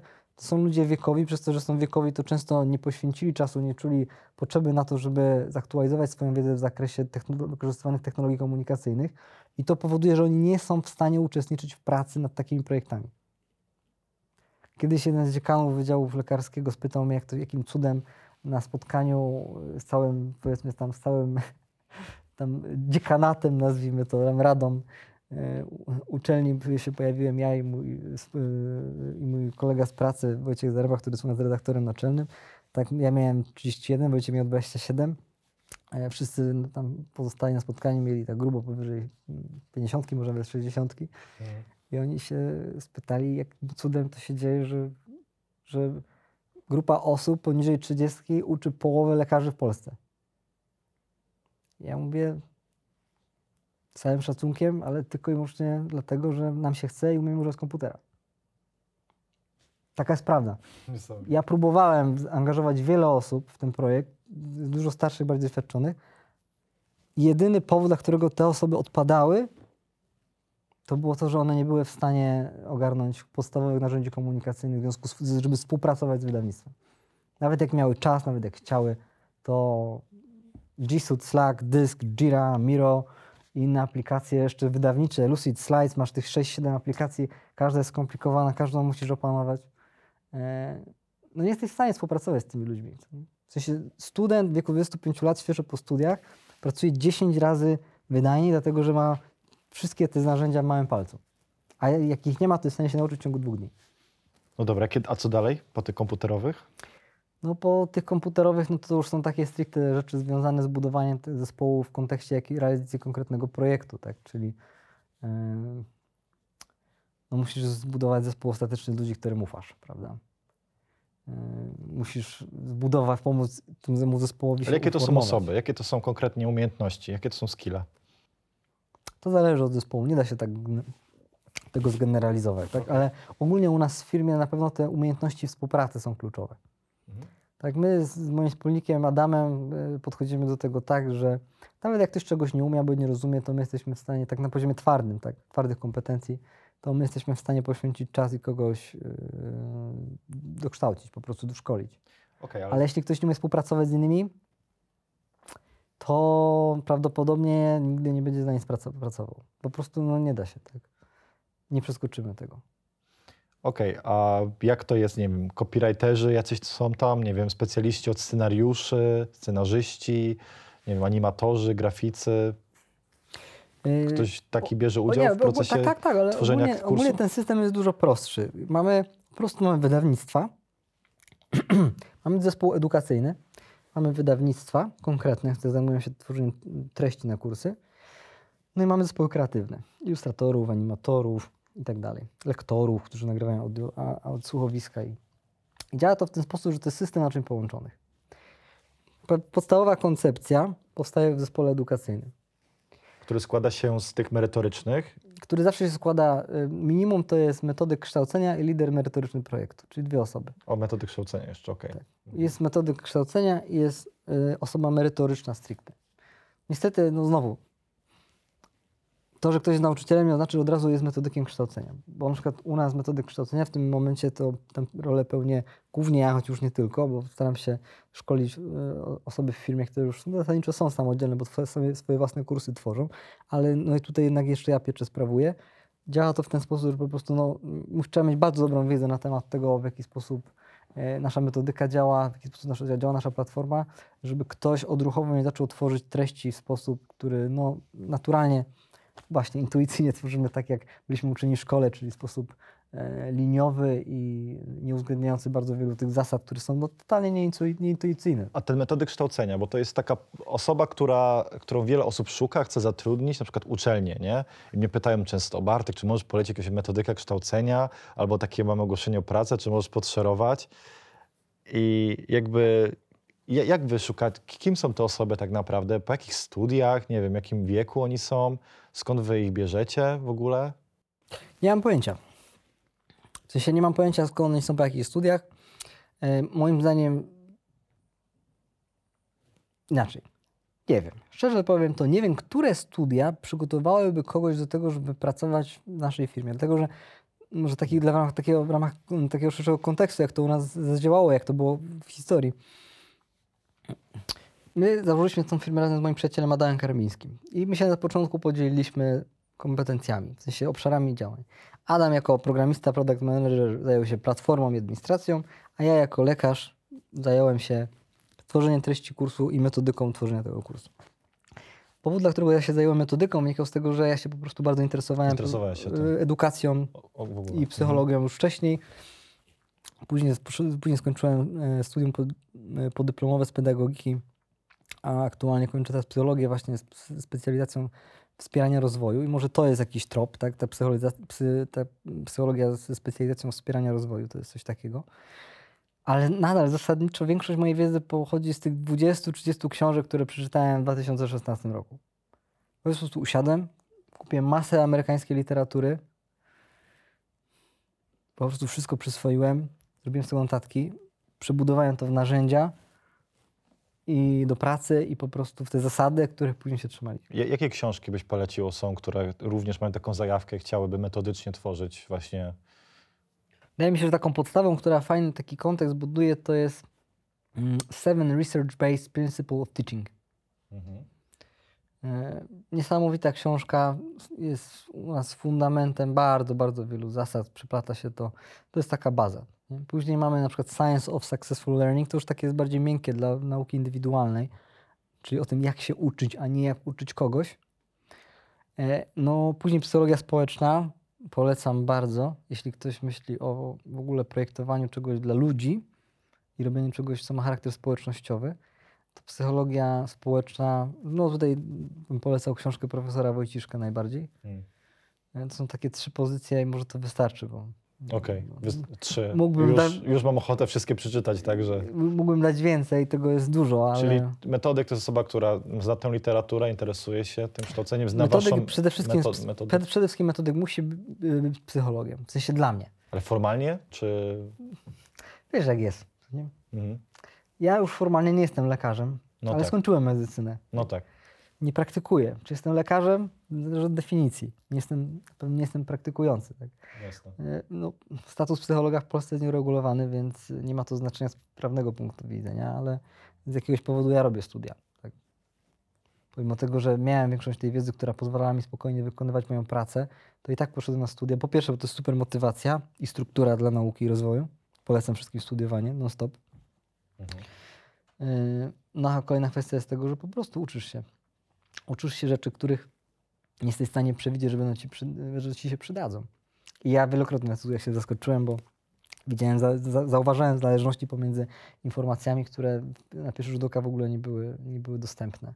Mm. Yy, I, I z tego powodu nie szedłem na studia, a okazało się dodatkowo bardzo wiele bonusów mieć. I dla mnie, i dla życia prywatnego, i i dla życia zawodowego, i zarówno dla projektowania kursów, i dla zarządzania i rozwojem organizacji. W szczególności dla rozwoju organizacji. Tak to, to tutaj psychologia fundamentalna. No okej, czyli mamy metodyka, mamy te merytoryczne osoby, ale z takim silnym wektorem komputerowym, które potrafią ogarnąć narzędzia. I, i- To i- może, tak, może przepraszam ci przerwę, ale tak dla kontekstu naszych, naszych, naszych widzów, bo to też jest ważna rzecz, która może być dla nich niedo, niedostępna. Yy, U nas kurs się projektuje, tworzy 2-3 lata. To- Ile? Dwa-trzy lata. Od pomysłu do premiery. Dziś rozmawiałem z jedną klientką, że trzy miesiące max. Za trzy miesiące musi być gotowy. No, to zależy od kursu, tak? Okej, czyli trzy lata trwa cały proces mniej więcej. Mhm. Najszybciej nam się udało w rok, to był bardzo malutki kursik, yy, tworzony przez kilka osób, no bo A z czego wynika te, te, te, ten, ten, ten czas? Jakby? z metodyki i Skoro i tak ten kurs będzie potem zmieniany, ulepszany, to czemu nie wypuścić go szybciej i No to- zmieniać go w locie? No, ale to właśnie dokładnie tak jest, my go wypuszczamy szybciej. Aha, okej. to gdyby miał być perfekcyjny, to... Wiesz, Cyberpunka też długo robili. Coś No, w sumie tak. okej. To nie da się tego. Nie, to tylko twórca wie, gdzie się kończy jego dzieło, a ile rzeczy nie zrobił, które chciał zrobić. Tak jak ja miałem, jak robiłem kurs efektywnej nauki, to miało być 50 lekcji, a wyszło 15. Mhm. Okazało się, że i tak za dużo. No tak. Tak? Różnie. To, to naprawdę nie da się tego ocenić, no bo na pewnym etapie już wiesz tak dużo, że, że już nie wiesz, czego inni nie wiedzą i musisz to dać ludziom jak najszybciej po prostu. Ale powód, dla którego to trwa tak długo, wynika z tego, że po prostu no, wynika to przede wszystkim z tego, o, o jakiej skali my mówimy, jakie kursy my wybieramy. Tak? To są naprawdę duże partie materiału. Nasz kurs do lekarskiego egzaminu końcowego to jest kurs 12, od 6 do 12, 6 miesięcy to jest naprawdę speedrun. Bardzo szybkie przejście przez kurs. Tak, 12 miesięcy to jest taka spokojna nauka, żeby to zrealizować. Mhm. I tutaj mówimy, o te 6 miesięcy to mówimy o nauce 5 dni w tygodniu po 5 godzin dziennie.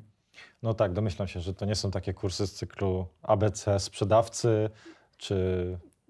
5 dni w tygodniu przez 5 godzin dziennie przez 6 miesięcy. No masakra. Tak? To są tego typu kursy.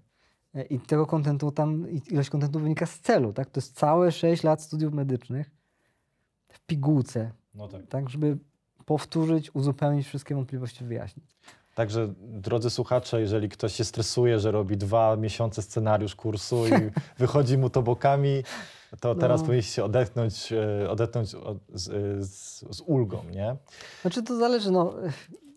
Druga kwestia jest taka, że e, mamy ten etap znowu jest pomysł, później trzeba znaleźć jakiegoś lidera. Osobę, która ma wiedzę i chce zrobić taki kurs. A taki kurs to jest To prowadzenie małej firmy. I, to nie jest metodyk. To nie jest metodyk. Jest jeszcze inna osoba. To jest Okej. ta osoba merytoryczna. Tak? To jest Ale przeważnie lider merytoryczny. lider merytoryczny. Okej. No i znalezienie takiej osoby trochę zajmuje. Tak? Na przykład Wy ich szukacie, czy oni się sami znajdują? E, Różnie, różnie. Głównie teraz staramy się wyłaniać tych ludzi wewnątrz firmy. Jednak osoby, które już znają doskonale procesy, są w stanie inaczej funkcjonować. Oczywiście czasami się nie da, ale no to jest taka kwestia znowu. Na przykład e, z maturami bardzo ważnym właśnie tym elementem było to, żeby ta osoba była maksymalnie możliwie doświadczona jako nauczyciel, ale jednocześnie w pełni kompetentna z komputerem. No tak. No bo ona ma być tym liderem, ona ma uczyć cały system projektować wydawniczy, tak? Trudno to tak ocenić jedno, jednoznacznie. Ym, Więc mamy tego lidera, powiedzmy, tak? Znajdziemy go, zrekrutujemy jakoś, wykształcimy. No i siadamy do projektowania kursu. No i projektowanie kursu, znowu, w zależności od tego, jaka jest e, intencja, już na taka już osobista po prostu, już tej osoby i też firmy, jaka jest sytuacja, no to y, proces szki, robienia szkicu kursu. Najpierw metodycznego szkicu, później merytorycznego szkicu. Y, no to potrafi zająć od 3 do 6 miesięcy. To już mamy 6 miesięcy, plus rekrutacja to jest 9, od pomysłu do zamknięcia szkicu. A szkic to jest, e, to jest jakaś tabelka w Excelu, czy to już jest tekst napisany? Jaką formę ma u was szkic takiego, takiego Jest projektu? szkic metodyczny, później jest, są, jest szkic kursu, później jest szkic kursu, później jest szkic lekc, lekcji wszystkich, później dopiero piszemy scenariusze lekcji i scenariusze lekcji dopiero później mogą być na przykład pisane albo nagrywane. O. Tak, także warstwowo lecimy. Okej. Cały, robimy cały kurs warstwa po warstwie, zwiększamy rozdzielczość aż do wybierania kolorów na slajdach. Hmm. Tak? Czyli nie robimy tak, że zaczynamy, piszemy i tworzymy treść i na gotowo leci, tylko lecimy tak. Ileś razy od samego Jak maszyna do szycia albo drukarka 3D. Jak drukarka 3D. Nawet nie tak jak drukarka 3D. No, też nie do końca jest to dobre porównanie, no bo my projektujemy kurs na jakimś poziomie rozdzielczości cały i schodzimy głębiej, głębiej, No, głębiej, Okej, głębiej, głębiej. okej, okej, w ten sposób. Czyli na przykład na początku cała lekcja to jest 100 karteczek ze słowami ułożonych od lewej do prawej. Mhm, Później to układamy w jakieś większe grupy. mhm. Później zastanawiamy się, jakie są związki przyczynowo-skutkowe pomiędzy tymi rzeczami i dopiero później, jak to jest zaakceptowane, to taki szkic już może, może pójść do innej osoby, która widząc cały ten szkic e, jest w stanie zacząć i ze źródłami e, zacząć pisać treści. Jak już są treści napisane, to kolejną warstwą to później stworzenie ilustracji. Nie chcemy robić ich za dużo ani za mało, no bo to jest droga sprawa, więc musimy się zastanowić dokładnie, gdzie powinny się znaleźć i jakie. Ciekawe. Ale wideo nie robicie, tak? To jakie formaty wykorzystujecie? Nie, robimy, robimy wideo, tylko że u nas wideo musi być uzasadnione. Tak na przykład na kursie efektywnej nauki, powód, dla którego z Tobą współpracowałem, no robiliśmy większość kontentu wideo. Tak, 15 godzin nagrań wideo tam jest. Dlaczego? Dlatego, że w kontekście te- tego kursu, w toku realizacji jego szkicu metodycznego wyszło, że najlepszym środkiem dydaktycznym e, będzie nagranie wideo w tym kursie. Mhm. Powodów jest ku temu wiele, tak? No przede wszystkim ma być charakter, kur, charakter kursu jest inny. Jest to wiedza bardziej psychologiczna, bardziej miękka e, i jednocześnie ten kurs w założeniu ma mieć charakter rozrywkowy, e, więc naturalnie jakby postać prawdziwej osoby, która jest ciągle w tym kursie i budujesz z nią jakąś Czyli relację. taki edutainment, ed edukacja E, połączona z tak. rozrywką. Cię- Więc- Ciężko to robić tylko ilustracjami, tak? Czy, czy, czy... Tak, tak, tak. Poza tym, y, no to wynika też po prostu z charakteru treści, więc tutaj po prostu wideo idealnie pasowało. E, Podobnie robiliśmy z prawem medycznym. Tam też wideo okazało się mm, najlepszą formą. I znowu to był tak nudny materiał, że musieliśmy go maksymalnie urozmaicić, ubogacić i zrobić mocno humorystycznie. Y, No bo inaczej w ogóle by to było ciężkie przyswojenie. Okej, to teraz to jest dwuletni proces, tyle ludzi jest bardzo kosztowny. Pewnie liczony. Bo, y, pozwól jeszcze jedna rzecz, bo to jest też ważne. Ten, ten, ten szkic całego kursu, pierwszy szkic całego kursu, on powstaje w głowie jednej osoby, tego lidera merytorycznego.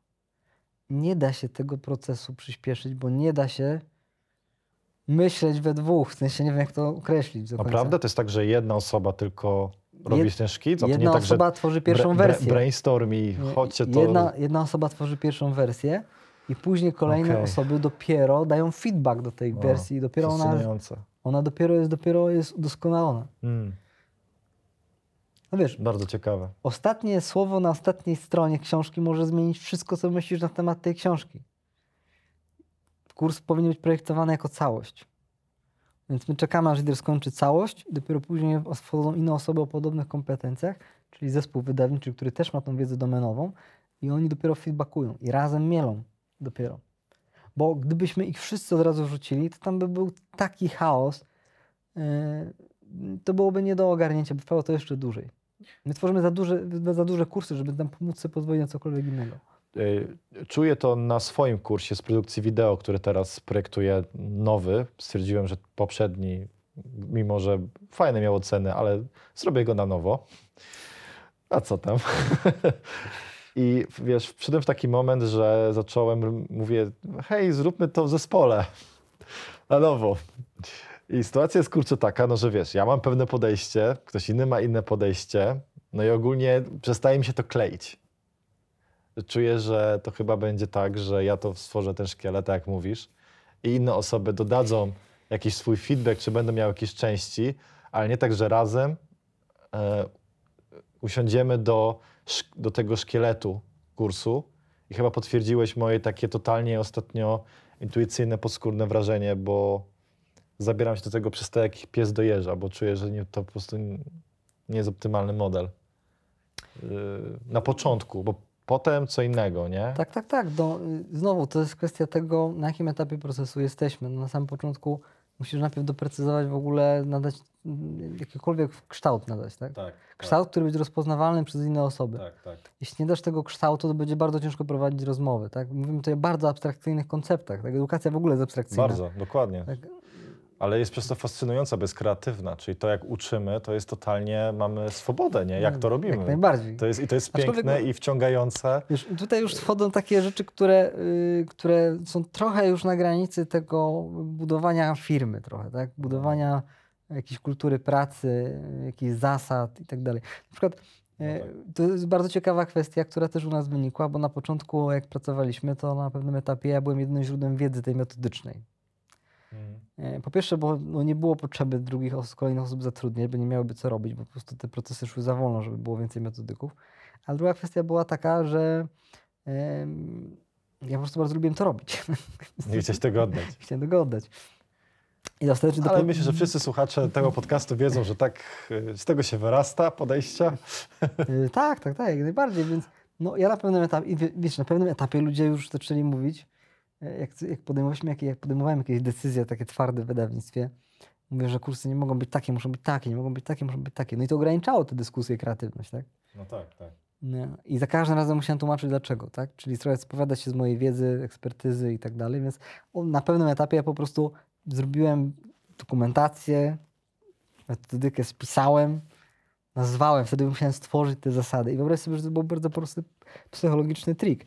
Jak za każdym razem ktoś z wydawnictwa miał wątpliwość co do tego, dlaczego tak, a nie inaczej podjąłem decyzję wydawniczą, jako powiedzmy wtedy jeszcze redaktor naczelny, to za każdym razem musiałem się z tego tłumaczyć szczegółowo. Mhm.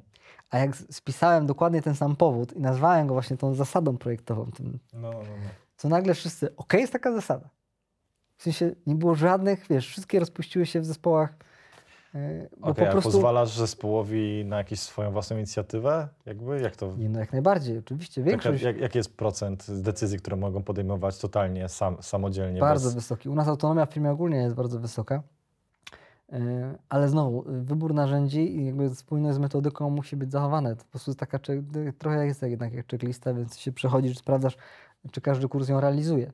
Ale nadal jak ktoś bierze tą, y, tę metodykę kształcenia i później projektuje kurs, no to wiesz, na przykład my ostatnio w zeszłym roku wystartowaliśmy z kursami na czwarty, piąty, szósty rok studiów medycyny. Powstało tam jakieś 500 lekcji. Ja nie widziałem żadnego slajdu. Mm. Bo nie, nie, nie wiem kiedy, tak? To, No tak, przecież to no. by było to jest tysiące, tysiące slajdów. Mhm. Ja, ja całkowicie ufam zespołowi, tak? No bo cały proces nas utwierdza w tym, że ostateczny efekt jest taki, a nie inny. Mm. I ta metodyka jest przedłużeniem jakby pewnych założeń mojej wiedzy. Yy, I ludzie mają, mają tego wątpliwości, to zawsze dyskutujemy. Są szkolenia, kształcenie, rozmowy. Są osoby, które później są z tego bardzo mocno przeze mnie szkolone i, i po prostu ja im ufam, tak. A no, ostatecznie przychodzi później, przepraszam, przychodzi ostatecznie ewaluacja w postaci opinii użytkowników. No i jeśli e, coś nie tam nie pasi, no to zastanawiamy się i czasami znajdujemy jakieś zagwozdki, no i zdarza się nawet, że robimy wyjątki od tej metodyki, tak? I robimy listę wyjątków, tak? W jakich sytuacjach tych zasad nie stosować, tak? No bo znowu, wróćmy teraz na chwilę, żeby teraz wy- wytłumaczyć to, co powiedziałem. Bo to też jest ważna kwestia dla każdej osoby, która zajmuje się edukacją. Mm. Inaczej się projektuje kurs dla jednej osoby, inaczej kurs dla wszystkich. Nawet jeśli założysz, że chcesz stworzyć doświadczenie całkowicie spersonalizowane. No bo kiedy tworzymy na przykład taki kurs maturalny aktualnie, kursy maturalne, no to my je tworzymy z taką myślą, żeby jak największa liczba osób po tym kursie zdobyła jak najwyższe kompetencje. Mhm. No i jeśli to jest nasz cel, to inaczej ten kurs zaprojektujemy, niż jakbyśmy stwierdzili, zróbmy kurs, który pozwoli 5% najinteligentniejszych maturzystów osiągnąć 100% na maturach. No tak. To są dwa różne kursy, Mhm. bo kiedy wiesz, że robisz dla osób, które są skrajnie inteligentne i skrajnie kompetentne i skrajnie zmotywowane, to zrobisz inne doświadczenie, inny kurs niż taki, który założysz, że są, jest dla wszystkich maturzystów i ma być maksymalnie spersonalizowany tak, żeby ostatecznie ci najbardziej zdolni też mogli z niego skorzystać. No i wy raczej jesteście w tej drugiej s- w- w- działce. Nie, my jesteśmy w tej pierwszej, tej takiej dla wszystkich. Dla wszystkich, w sensie tak, tak. właśnie tej. Tak, tak, tak. Nie staracie się tworzyć dla elity lekarzy czy, czy Nie, właśnie nie, maturzystów, staramy tylko... się dotrzeć do wszystkich. No to jest, to I jest więc w maksymalny sposób chcemy to spersonalizować, ale ostatecznie to powoduje, że ten kurs jest maksymalnie dla wszystkich, ale to powoduje, że pewnie będzie jakaś grupa inna osób, która będzie musiała sobie coś do niego dołożyć. Tak, no bo to zawsze kwestia tego, jak bardzo jesteś w stanie coś spersonalizować. Oczywiście każdy kurs rozwijamy i dochodzimy do momentu, w którym już nie mamy pomysłu, nawet użytkownicy już nie mają pomysłu, co jeszcze można by im ułatwić. Ale no, to jest kwestia tylko i wyłącznie wyobraźni. Okej, to teraz biznes. Um, długi proces, dwuletni, pewnie kosztujący, nie wiem, milion złotych produkcja kursu? Strzelam? Różnie, zależy. Ale no setki tysięcy pewnie. No na pewno. Du, set- duże, no, du, du, du, duże kursy duże, duże kosztują- pieniądze. Małe kursy kosztują setki, duże kursy kosztują miliony, może tak powiem. I, I mówmy się, nie macie chyba jakiegoś inwestora z Ameryki, o ile się nie mylę? Kogoś, kto wam dał pieniądze. Bawcie się, tylko Nie, nie, nie, refinansujecie pieniądze, które po prostu Tak, od, zarabiacie. od samego początku, od, pierwsze, od pierwszego dnia samego początku organicznie się rozwijamy i, za, i utrzymujemy z tego, co zarabiamy. To pytanie główne. Jak walidujecie pomysły na kurs, zanim uruchamiacie całą machinę? No wiesz, e, idziemy na łąkę, patrzymy w gwiazdy, wąchamy kwiatki. W Poznaniu? Nie W widać. Poznaniu, Poznaniu. Chociaż teraz już większość osób nie mieszka, w firmie nie jest z Poznania, ale my z Adamem e, tak, no i... Ale tak naprawdę to tak jest. Tak naprawdę to Prawda? tak jest. No po prostu patrzymy w niebo, chodzimy do, chodzimy do astrologa, wiesz. Różnie. O kurde, no to tego się nie spodziewałem. Nie, no tak wiesz. Nie da się tego tak, tak jasno odpowiedzieć. No wiesz, niektóre rzeczy są oczywiste, tak? Kurs do lekarskiego egzaminu końcowego i później do lekarsko-dentystycznego egzaminu końcowego, no wiedzieliśmy, że jest potrzeba, bo no, ja kończyłem medycynę i musiałem ten egzamin zdać, więc dokładnie zbadałem rynek jako student, jako klient zbadałem rynek. Wiedziałem, że nie ma nic, co w ogóle by było zakrawało w ogóle jakiś poziom przyzwoitości, za który nie byłoby w ogóle wstyd kasować pieniędzy. Czyli to był oczywisty pomysł, sam chciałeś stworzyć kurs, Tak, którego po który prostu potrzebowałem, tak. potrzebowałeś. Tak to się zaczęło. Okej, no ale na przykład y, taki kurs jak ta medycyna ratunkowa, czyli ten twój dyżur, no to Y, jak, no jak, jak tak podjęliście decyzję, że to, a nie na przykład, nie wiem, Tak, tutaj dokładnie tak samo. Znowu, my na przykład tworzymy kursy dla lekarzy, więc wydawnictwie są sami lekarze. Tworzymy kursy dla maturzystów, więc są sami nauczyciele. Tak, ja jestem metodykiem kształcenia i teraz psychologiem, więc robię kursy efektywnej nauki i projektowania doświadczeń edukacyjnych. To zawsze wynika z pewnego pomysłu przedłużenia kompetencji tak zwanych liderów merytorycznych. Więc y, no, dlaczego matury? Dlatego, że jest ogromna potrzeba, dlatego, że zbadaliśmy rynek, dlatego, że wiemy, że nasza metodyka kszt- tworzenia bardzo dużych kursów, czy nawet, jakby nawet to nie jest metodyka tworzenia kursów, co systemów do wspierania wiedzy tysięcy osób, idealnie by się by dopasowała. E, Okej, to, to teraz... Więc mówię, idziemy na łąkę, rozmawiamy na temat różnych rzeczy. Jak wiemy, jaki duży jest rynek i wiemy, że e, po, później rozmawiamy właśnie z tymi nauczycielami i jakby trochę kilku nauczycielom o tym powiedzieliśmy, to im się oczy zaświeciły i ostatecznie skończyło się na tym, że większość z nich tak mocno w to wierzy, że mm, porzucała szkołę i pracę na etatach, żeby się zatrudnić u nas. Czy zdarzyło wam się stworzyć kurs, który robiliście długo, i okazał, się- ale okazał się niewypałem i totalnie cię to zaskoczyło? Nie, nie. Je- Jeden, jeden okazał się nie, inaczej. Żeby określić coś niewypałem, to trzeba określić to, jakby ten, że to jest niewypałem na bardzo wielu poziomach. Biznesowym niewypałem, e, marketingowym niewypałem, edukacyjnym niewypałem i tak dalej. E, Nie mamy kursu, który by edukacyjnie nam nie poszedł. W sensie taki, który by został stworzony i okazałoby się, że on nie realizuje swojego celu kształcenia. Powiedzmy, mam na myśli bardziej ten wszystkie- biznesowy nie wypał, że No. po prostu nikt go nie kupuje, że totalnie To jest, to jest część odpowiedzi. To jest część odpowiedzi, bo na przykład wszystkie nasze kursy są oceniane na poziomie satysfakcji z klientów e, przy wykorzystaniu Net Promoter Score. Wszystkie są powyżej 50. Hmm. A jak między 50 a 80. Tak? To jest bardzo wysoki wskaźnik. E, Więc ten, ta kwestia edukacyjna i satysfakcji z, e, z tego kształcenia jest bardzo wysoka. I więc no, tutaj jesteśmy tego pewni. Biznesowo nie zawsze. E, ku- Kurs prawa medycznego był taki, który nie zarobił jeszcze na swoje koszty stworzenia. Z drugiej strony ciągle go sprzedajemy, więc pewnie za dwa lata gdzieś to wyjdzie na zero. Tak? I później Okej, zac- To jest ten kurs wideo tak, akurat. i, Mhm. i później zacznie zarabiać. Mhm. Mhm. Może to przewrotnie zabrzmi, ale w naszym przypadku kursy, które najmniej zarobiły, to są te kursy, to są kursy wideo. Mhm. Mhm. A te wszystkie, które są stworzone całkowicie inaczej, y, wszystkie bardzo szybko zarobiły. Y, Ciekawe.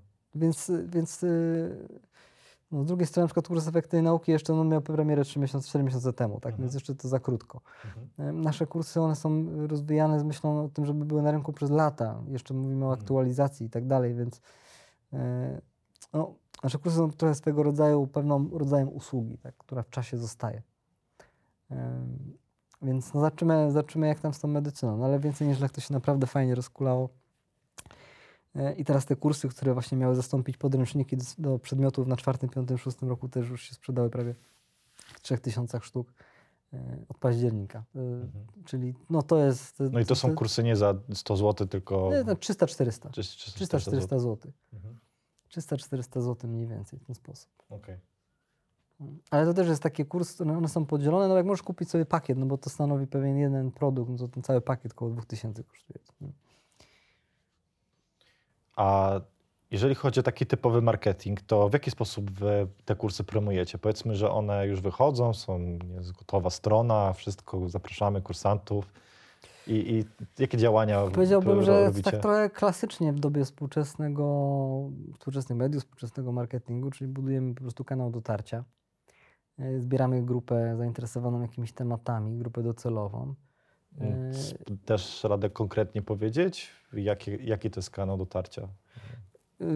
Staramy się wybrać wszystkie, jakie są adekwatne do grupy odbiorców. No, Dla Okej. tych grup starszych, y, dla marki więcej niż lek, no to jest głównie Facebook, Instagram, strona internetowa, czyli mówimy Facebook, Instagram i AdWordsy na Google. No i to Listy, w sensie jakieś listy mark- remarketingowe, tak? Tak, no przede wszystkim, znaczy tak, przede wszystkim grupy remarketingowe. Tak? My głównie robimy content, blog marketing zawsze na początku. I na przykład dla Twojego dyżuru, dla. Blog, content, marketing i blog. To takie faktycznie old school trochę na dzisiejsze czasy. A listy mailingowe robicie? Jakieś newslettery zaawansowane, jakieś Robimy w jednej marce, ale tak słabo to działa. Ogólnie Naprawdę? mam takie wrażenie, teraz jak byliśmy do research do matur, to się okazało, że ci młodzi ludzie w ogóle tego maila nie, nie bardzo. Ciekawe, no bo to jest to jednak w branży kursów online, przynajmniej słuchacze tutaj, yy, no tak, tak są uczeni przez różne osoby. Ja też takie wskazówki daję, że budować listę mailingową, nie? że to jest główny kanał Wydaje mi się, że znowu to nie jest kwestia tego, żeby przypisać sposób marketingu do branży, na przykład e-learningu. Wydaje mi się, że w e-learningu ważniejsza jest branża edukacyjna, czyli to stricte czym się zajmujesz. Jeśli na przykład zajmujesz się, wiesz, tworzeniem kontentu wideo, to jest bardzo specjalistyczna rzecz. No to stały newsletter może być super, super narzędziem. Mhm, mhm, mhm. Jak my będziemy, nie wiem, robić coś dla tysięcy, dziesiątków tysięcy maturzystów, no to newsletter może nie bardzo, może bardziej TikTok. No właśnie chciałem powiedzieć, że to może być ciekawszy No. kanał, tak. Więc, więc to zawsze musi być przemyślane do tego, od, od tej strony, ale w przypadku marek, które aktualnie już u nas działają, to zawsze był Facebook, Instagram, strona internetowa, blog, przynajmniej rok przed premierą kursu, wartościowe blogi, wartościowy content, który po premierze kursu nadal rozwijamy. Y, I, I po prostu wokół tego budujemy naszą pozycję w sieci. Później wokół tego y, ustawiamy reklamy remarketingowe z kursami. No i, y, no i też bardzo dużo, jeśli chodzi o więcej niż to bardzo dużo influencerów, w szczególności mikroinfluencerów. Czyli tak, żeby wszędzie na, na Instagramie ludzie się uczyli z naszych materiałów i z naszych kursów, więc y, mamy bardzo dużo współprac stricte takich właśnie influencerskich. E, No i konferencje, konferencje medyczne i konferencje medyczne. Nie? W sensie, jak pójdziesz na jakąś konferencję, to prawdopodobnie dostaniesz teczkę, paczkę, ulotkę mm, z więcej niż lek. Tak, jeśli jesteś studentem albo lekarzem. Zaczęliśmy ten podcast od kwestii koncentracji i tego problemu, jakby jak się uczyć w stosunku do koncentracji, tak, że to jest pewien aset, którego, z którym, którym trzeba zarządzać. E, Zastanawia mnie, jakie rady w kontekście tego kursu efektywnej nauki mógłbyś dać e, ludziom, którzy mają po prostu problemy z nauką, nie potrafią się skoncentrować, czy na podręczniku, czy na ku- kursie jakimkolwiek, wszystko ich rozprasza i, i tak wiesz, wchodzą w temat, szybko wychodzą. Co, co byś im doradził, co byś im polecił, żeby, żeby po prostu przeszli ten etap? To jest e, złożone pytanie. Aczkolwiek będę robił webinar u mnie na fanpage'u za dwa miesiące na ten temat, więc zapraszam wszystkich w lipcu, jakby ktoś chciał, O koncentracji? e, o tym, jak poprawiać Zapraszamy, link w opisie. E, tak, jak, jak swoją koncentrację poprawiać. Pierwsza, wydaje mi się, kwestia to jest tak. najpierw trzeba zrozumieć, jaka jest rola koncentracji w ogóle procesów uwagi w naszym życiu i w procesie uczenia się. Musimy to zrozumieć. Bo jak zrozumiemy, jak to jest ważne, zaczniemy o to świadomie dbać. Druga kwestia to jest zrozumieć, co można zrobić na takim czysto praktycznym, technicznym poziomie, żeby łatwiej się koncentrować i dłużej się koncentrować. To znaczy? Jakieś tipy? Ech, No, zacznijmy może od początku. No, koncentracja z punktu widzenia stricte e, uczenia się jest bardzo ważna, dlatego że procesy uwagi, co nazywamy potocznie koncentrowaniem się, czyli skupianiem centrum uwagi na jakimś wąskim obiekcie, a jak mamy naszą świadomość i z tego świadomości jest pewien mały wycinek, nazwijmy to uwagą. To, co się dzieje w tym polu uwagi, jest bardzo ważne dla, dla uczenia się, dlatego że to jest, powiedzmy tak potocznie, włącznikiem procesów neuroplastyczności. Tak? Czyli to uwaga triggeruje neuroplastyczność, czyli zmiany w mózgu. Dlatego jak wchodzisz na lekcję, to mówisz, to nauczyciel mówi uwaga, uwaga, A, to ciekawe. żeby wszyscy skupili uwagę na nim. No bo jeśli ktoś nie skupi uwagi, no to, to tak jakby nie usłyszał, tak? Coś jakby go nie było, jakby nie, do niego to nie trafiło. I to nie jest kwestia tylko i wyłącznie, żeby nauczyciel miał świadomość tego, że ci go słuchają, to jest dobrze. To uwaga jest włącznikiem neuroplastyczności. Musisz się na czymś skupić, że później w ciągu snu zostały zakodowane białka na twoim bruzdach w mózgu, żebyś następnego dnia rana jak się obudzisz, żeby one tam były i żebyś mógł odtwarzać te wspomnienia. Tak w dużym uproszczeniu. To może być duże uproszczenie, pewnie może ktoś się doczepi, ale to nie o to chodzi, żeby to w niuanse wchodzić. W każdym razie uwaga jest ważna dla procesów pamięci. Musimy się na czymś skupić, żeby to zapamiętać. Dlatego powinniśmy dbać o naszą uwagę. I to nie tyczy tylko i wyłącznie się uczenia, tak? Jeśli, nie wiem, twoja żona czy moja dziewczyna wypominają nam, że czegoś nie pamiętamy, to prawdopodobnie dlatego, że siedzieliśmy przy stole i myśleliśmy o czymś, o czymś innym. Tak? Słyszeliśmy, ale nie słuchaliśmy, jak ja to mówię. Tak, tak, tak. No. Y, I to jest, nie pamiętamy tego, dlatego że y, nie skupiliśmy na tym uwagi. Tak samo jak jedziesz samochodem i myślisz o czymś, to nie pamiętasz, mm, co się wydarzyło i, i co, co minąłeś na trasie, bo nie skupiłeś na tym uwagi. Więc już wiemy, dobra, wiemy, dlaczego uwaga jest ważna.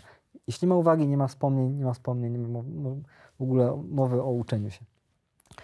No i teraz jak poprawić swoją koncentrację? Y, Ja na swoim kursie, pod kątem kursu przygotowałem taką metodę, ona się nazywa 5 razy R.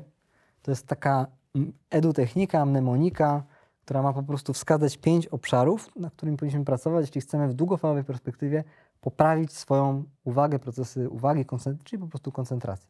Mhm. Czy pierwszy R to jest Red Bull? Eee, nie, nie, nie, absolutnie wręcz przeciwnie. Aczkolwiek przy, przy, przy, drugim punkcie, przy drugim R będziemy o tym rozmawiać. Więc pierwszy to jest y, redukcja dystraktorów. Tak? E, Nasza uwaga działa w sposób odruchowy. Tak więc chcemy zredukować wszystkie dystraktory, wszystkie bodźce niepotrzebne. E, Poza takimi oczywistymi jak hałas, jak głód, jak temperatura, e, jak, e, nie wiem, wyciszenie telefonu, to bardzo ważne jest, e, bardzo ważne jest re- redukcja wszystkich bodźców wzrokowych. Tak? Czyli nawet coś, co się, e, no, taka prosta rzecz, jeśli będziesz przy oknie się uczył i będzie ptak leciał, tak? Ruch jest rzeczą, jest takim zjawiskiem, które przykuwa uwagę w sposób odruchowy, automatyczny. Tak? Coś przebiegnie z boku, od razu wiesz. Nasz wzrok jest przykuwany. Tak? To jest adaptacja ewolucyjna po prostu dla bezpieczeństwa naszego. Więc jeśli na przykład nie wiem, ludzie chcą chodzić do biblioteki yy, publicznej się uczyć, to usiądźcie sobie w takim miejscu, w którym nikt wam nie przejdzie, nie ma nikogo w polu widzenia. Mhm. Mhm. E, Bo to po prostu jest naj- najbardziej rozpraszającym czynnikiem, ruch e, w, w polu percepcji. E, Więc mamy te dystraktory. E, Kolejna kwestia to jest regulacja stanu pobudzenia. Możemy być albo za bardzo pobudzeni, albo za nisko pobudzeni. Mhm. Czyli chodzi o to, żeby zredukować nasze wewnętrzne źródła rozproszeń. Jeśli ja jestem bardzo pobudzony, bo wypiłem za dużo Red Bulla, to będę się też rozpraszał. Będę miał myśli w głowie, nie będę mógł się skupić, będę miał ochotę wstać, Mhm. bo będę po prostu no, nakręcony. No tak. Jeśli, jeśli nie wyśpię, to będę miał zbyt niski stan pobudzenia Mhm. Mhm. i będę zmęczony, będę sypiał, będę miał rozproszenia uwagi, bo będę przysypiał. Tak? Wtedy Mhm. też nic nie zapamiętam. Mhm. Więc regulacja stanu pobudzenia tak? to jest bardzo ważny element. Jak jesteśmy za bardzo pobudzeni, to ćwiczenia oddechowe polecam. Mhm. Sobie, pooddychać przeponą. Oddychanie przeponą powoduje stymulację nerwu błędnego, to powoduje stymulację układu przyspółczulnego, który obniża stan pobudzenia, tak w dużym skrócie. E, Jak jesteśmy zbyt mało pobudzeni rano, to co robimy? No to pijemy Red Bulla, pijemy kawkę, robimy 10 pompek, idziemy na spacer z psem i dopiero siadamy. Tak? Idziemy się odświeżyć, trochę ruchu, podbudzamy metabolizm, poziom glukozy się podnosi, w ogóle jesteśmy od razu energetycznie e, bardziej e, powiedzmy aktywni, mówiąc potocznie, więc musimy ten stan pobudzenia podnieść. Za dużo, za mało źle, bo uwaga będzie się rozpraszać. E, e, Trzecia kwestia to jest, e, jak to nazywam, resetem koncentracji wzrokowej. Reset koncentracji wzrokowej. Okay. Nieważne, co robimy w trakcie nauki, to jest zawsze jakieś pole uwagi. Albo ekran komputera, albo książka, albo notatki. Wszystko, co nie jest w tym polu, powinno być usunięte. I to jest nie, nie bez powodu na tych wszystkich Instagramach, na tych stadiegramach. E, ludzie mają takie, wiesz, czyściutkie biurka na przykład. No, Jest tylko laptop, kawa i piękne notatki. no tak, tak, tak. Na takim biurku, na którym nie ma żadnych innych rzeczy, będziecie się łatwiej skupić. Dlatego, że nasze myśli mają taką piękną cechę, którą wszyscy na pewno uwielbiamy, że się pojawiają w sposób reaktywny. Mhm. Widzisz coś, myślisz o tym. Bodziec, reakcja, bodziec, reakcja. Myśli są reakcjami. Więc jeśli będziesz miał telefon, nawet wyciszony, na biurku, to sam fakt, że na niego spojrzysz, już spowoduje, a, a może ten dzwoni, a może ta dzwoni, a może ten, może sprawdzę to, może sprawdzę tamto. Mm. Schowaj do torby, wycisz, schowaj do torby, zdejmij zegarek i zobacz, po jakim czasie pomyślisz o telefonie. Prawdopodobnie jak nie będzie w polu widzenia, to możesz bardzo obudzić się po paru godzinach i w ogóle o nim pomyśleć. Dlatego, że nasze myśli pojawiają się w sposób reaktywny, więc powinniśmy świadomie tak ustawić środowisko wokół nas, żeby nie było w tym polu widzenia, w którym się znajdujemy, nic, co y, może wywołać w nas odruchowe myśli. A no, w założeniu te myśli nie będą związane z celem, z celem który próbujemy zrealizować y, naszej nauki. Tak? Mhm.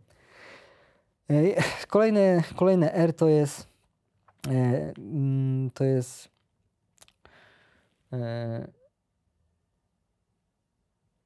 rede, tak, redefinicja celu nauki.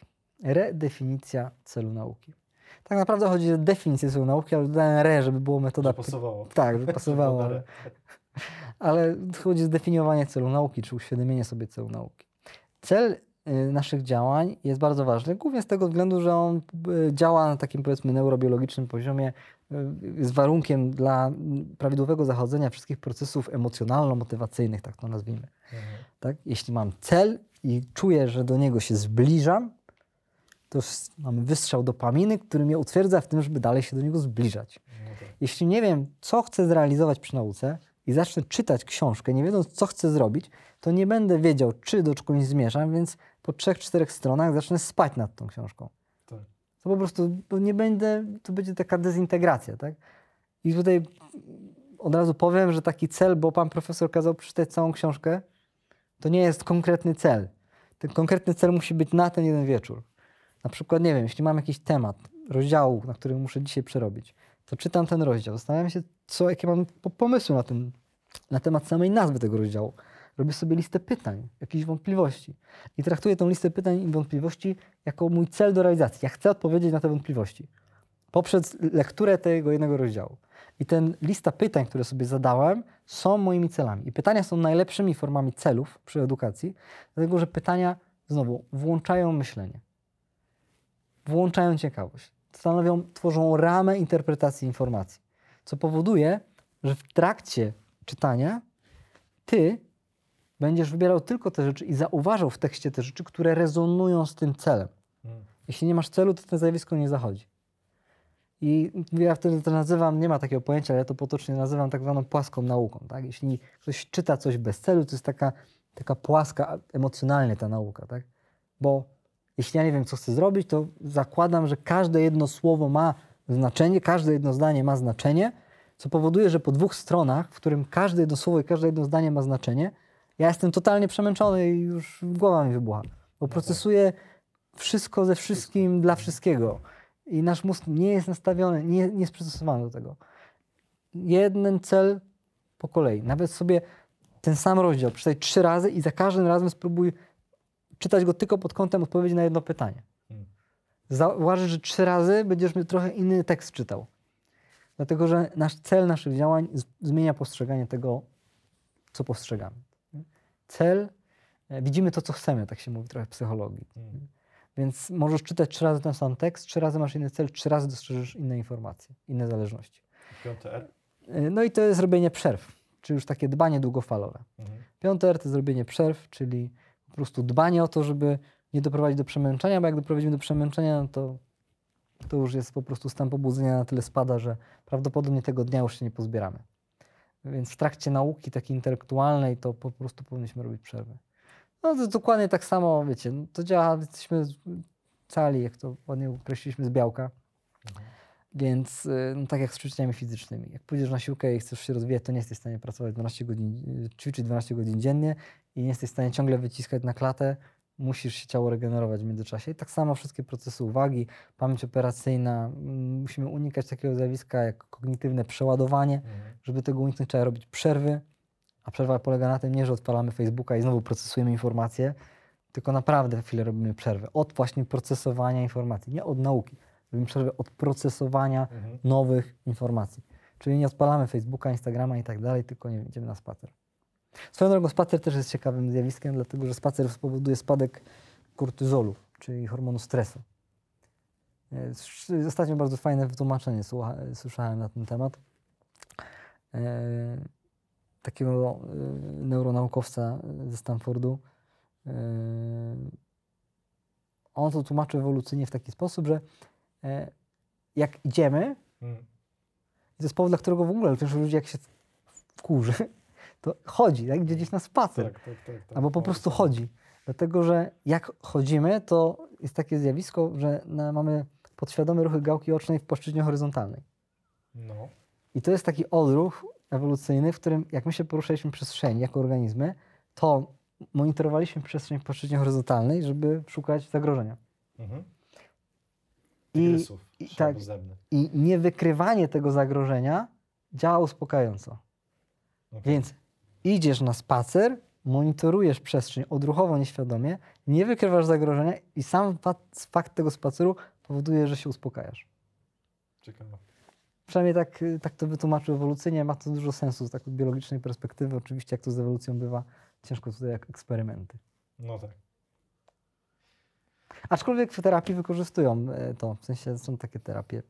I to jest tylko Pacjenci siadają 5 już- minut całego kursu efektywnej nauki, Tak, który jest- zawiera Tak, tak, kilkanaście godzin, jak tak, nie to jest 5 więcej minut materiału. 15 godzin kursu. Tak, tak, tak.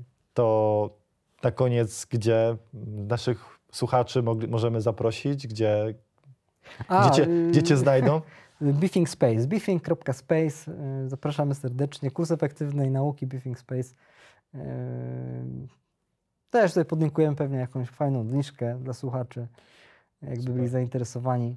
Także zapraszam serdecznie. No, kurs jest wymagający, zaraz powiem. Trzeba na niego poświęcić 30-40 godzin, no ale nie bez powodu. Tak? My robimy rzeczy, które, kursy, które no, mają, wywołać trwały, mają wywołać człowieku trwały efekt, a nie być formą konsumpcji treści. No więc tych godzin wysiłku trzeba trochę włożyć. Ale cóż, później są efekty po prostu. No, dzięki Darku, to, było, to była ciekawa przejażdżka. Ależ proszę, miło było. Bardzo dziękuję za zaproszenie. Zawsze chętnie będziecie wiedzą, tym bardziej jak mam się dzielić dokładnie tym, czym zajmuję się na co dzień. O tym mogę opowiadać godzinami. Jeszcze jestem, jeżeli słuchacze też są zainteresowani, to jestem bardzo zainteresowany też, jak się zorganizowani biznesowo, nie? W sensie, jak działają zespoły, jak rekrutujecie ludzi, y, jak w ogóle, jak tworzyć taką wielką firmę, która zajmuje się edukacją. To jest No, trudniejsze niż robienie samej edukacji. No właśnie, to, te, te, te wszystkie, wiesz, te wszystkie decyzje, waszą, wasze relacje między, między, między wspólnikami, tak, jak to, e, jak to działa, że, że po prostu, no, że się rozwija, że, że funkcjonuje i Bardzo chętnie o tym opowiem. Wydaje mi się, że też fajnie będzie zaprosić jeszcze właśnie Adama, mojego wspólnika, super. e, który no, całkowicie unikatową i całkowicie inną perspektywę jest w stanie wnieść w rozmowę na te tematy. Bo to też jest ważna rzecz. Może pierwsza, pierwszy protip, jak założyć do, dobrą firmę. Znajdźcie wspól- wspólnika. Słuchajcie, sobie. jeżeli ten podcast osiągnie tysiąc, tysiąc wyświetleń, to, to jeżeli, jeżeli tysiąc wyświetleń, to zaprosimy Adama i, i Darka jeszcze raz na kanapę i pogadamy Spoko, o, o biznesie e, edukacyjnym, jak to, jak to poukładać. Natomiast tutaj no, sam się dużo, dużo się dowiedziałem dzisiaj. Dziękuję Ci i do następnego. Zmieniajcie świat edukacji. No, bo, Działamy. Zapraszamy na trzeba. wrzesień. Startujemy z maturami we wrześniu. No, myślę, Biologia, że chemia. mam, ja mam ciary, bo jak, no to jest, to jest duża rzecz. Myślę, że dużo większa niż wam się wydaje. I bardzo, Czas pokaże. I bardzo potrzebna. Dzięki wielkie. Dzięki. Piona. Fajnie. Spoko, fajnie takie pogaduchy.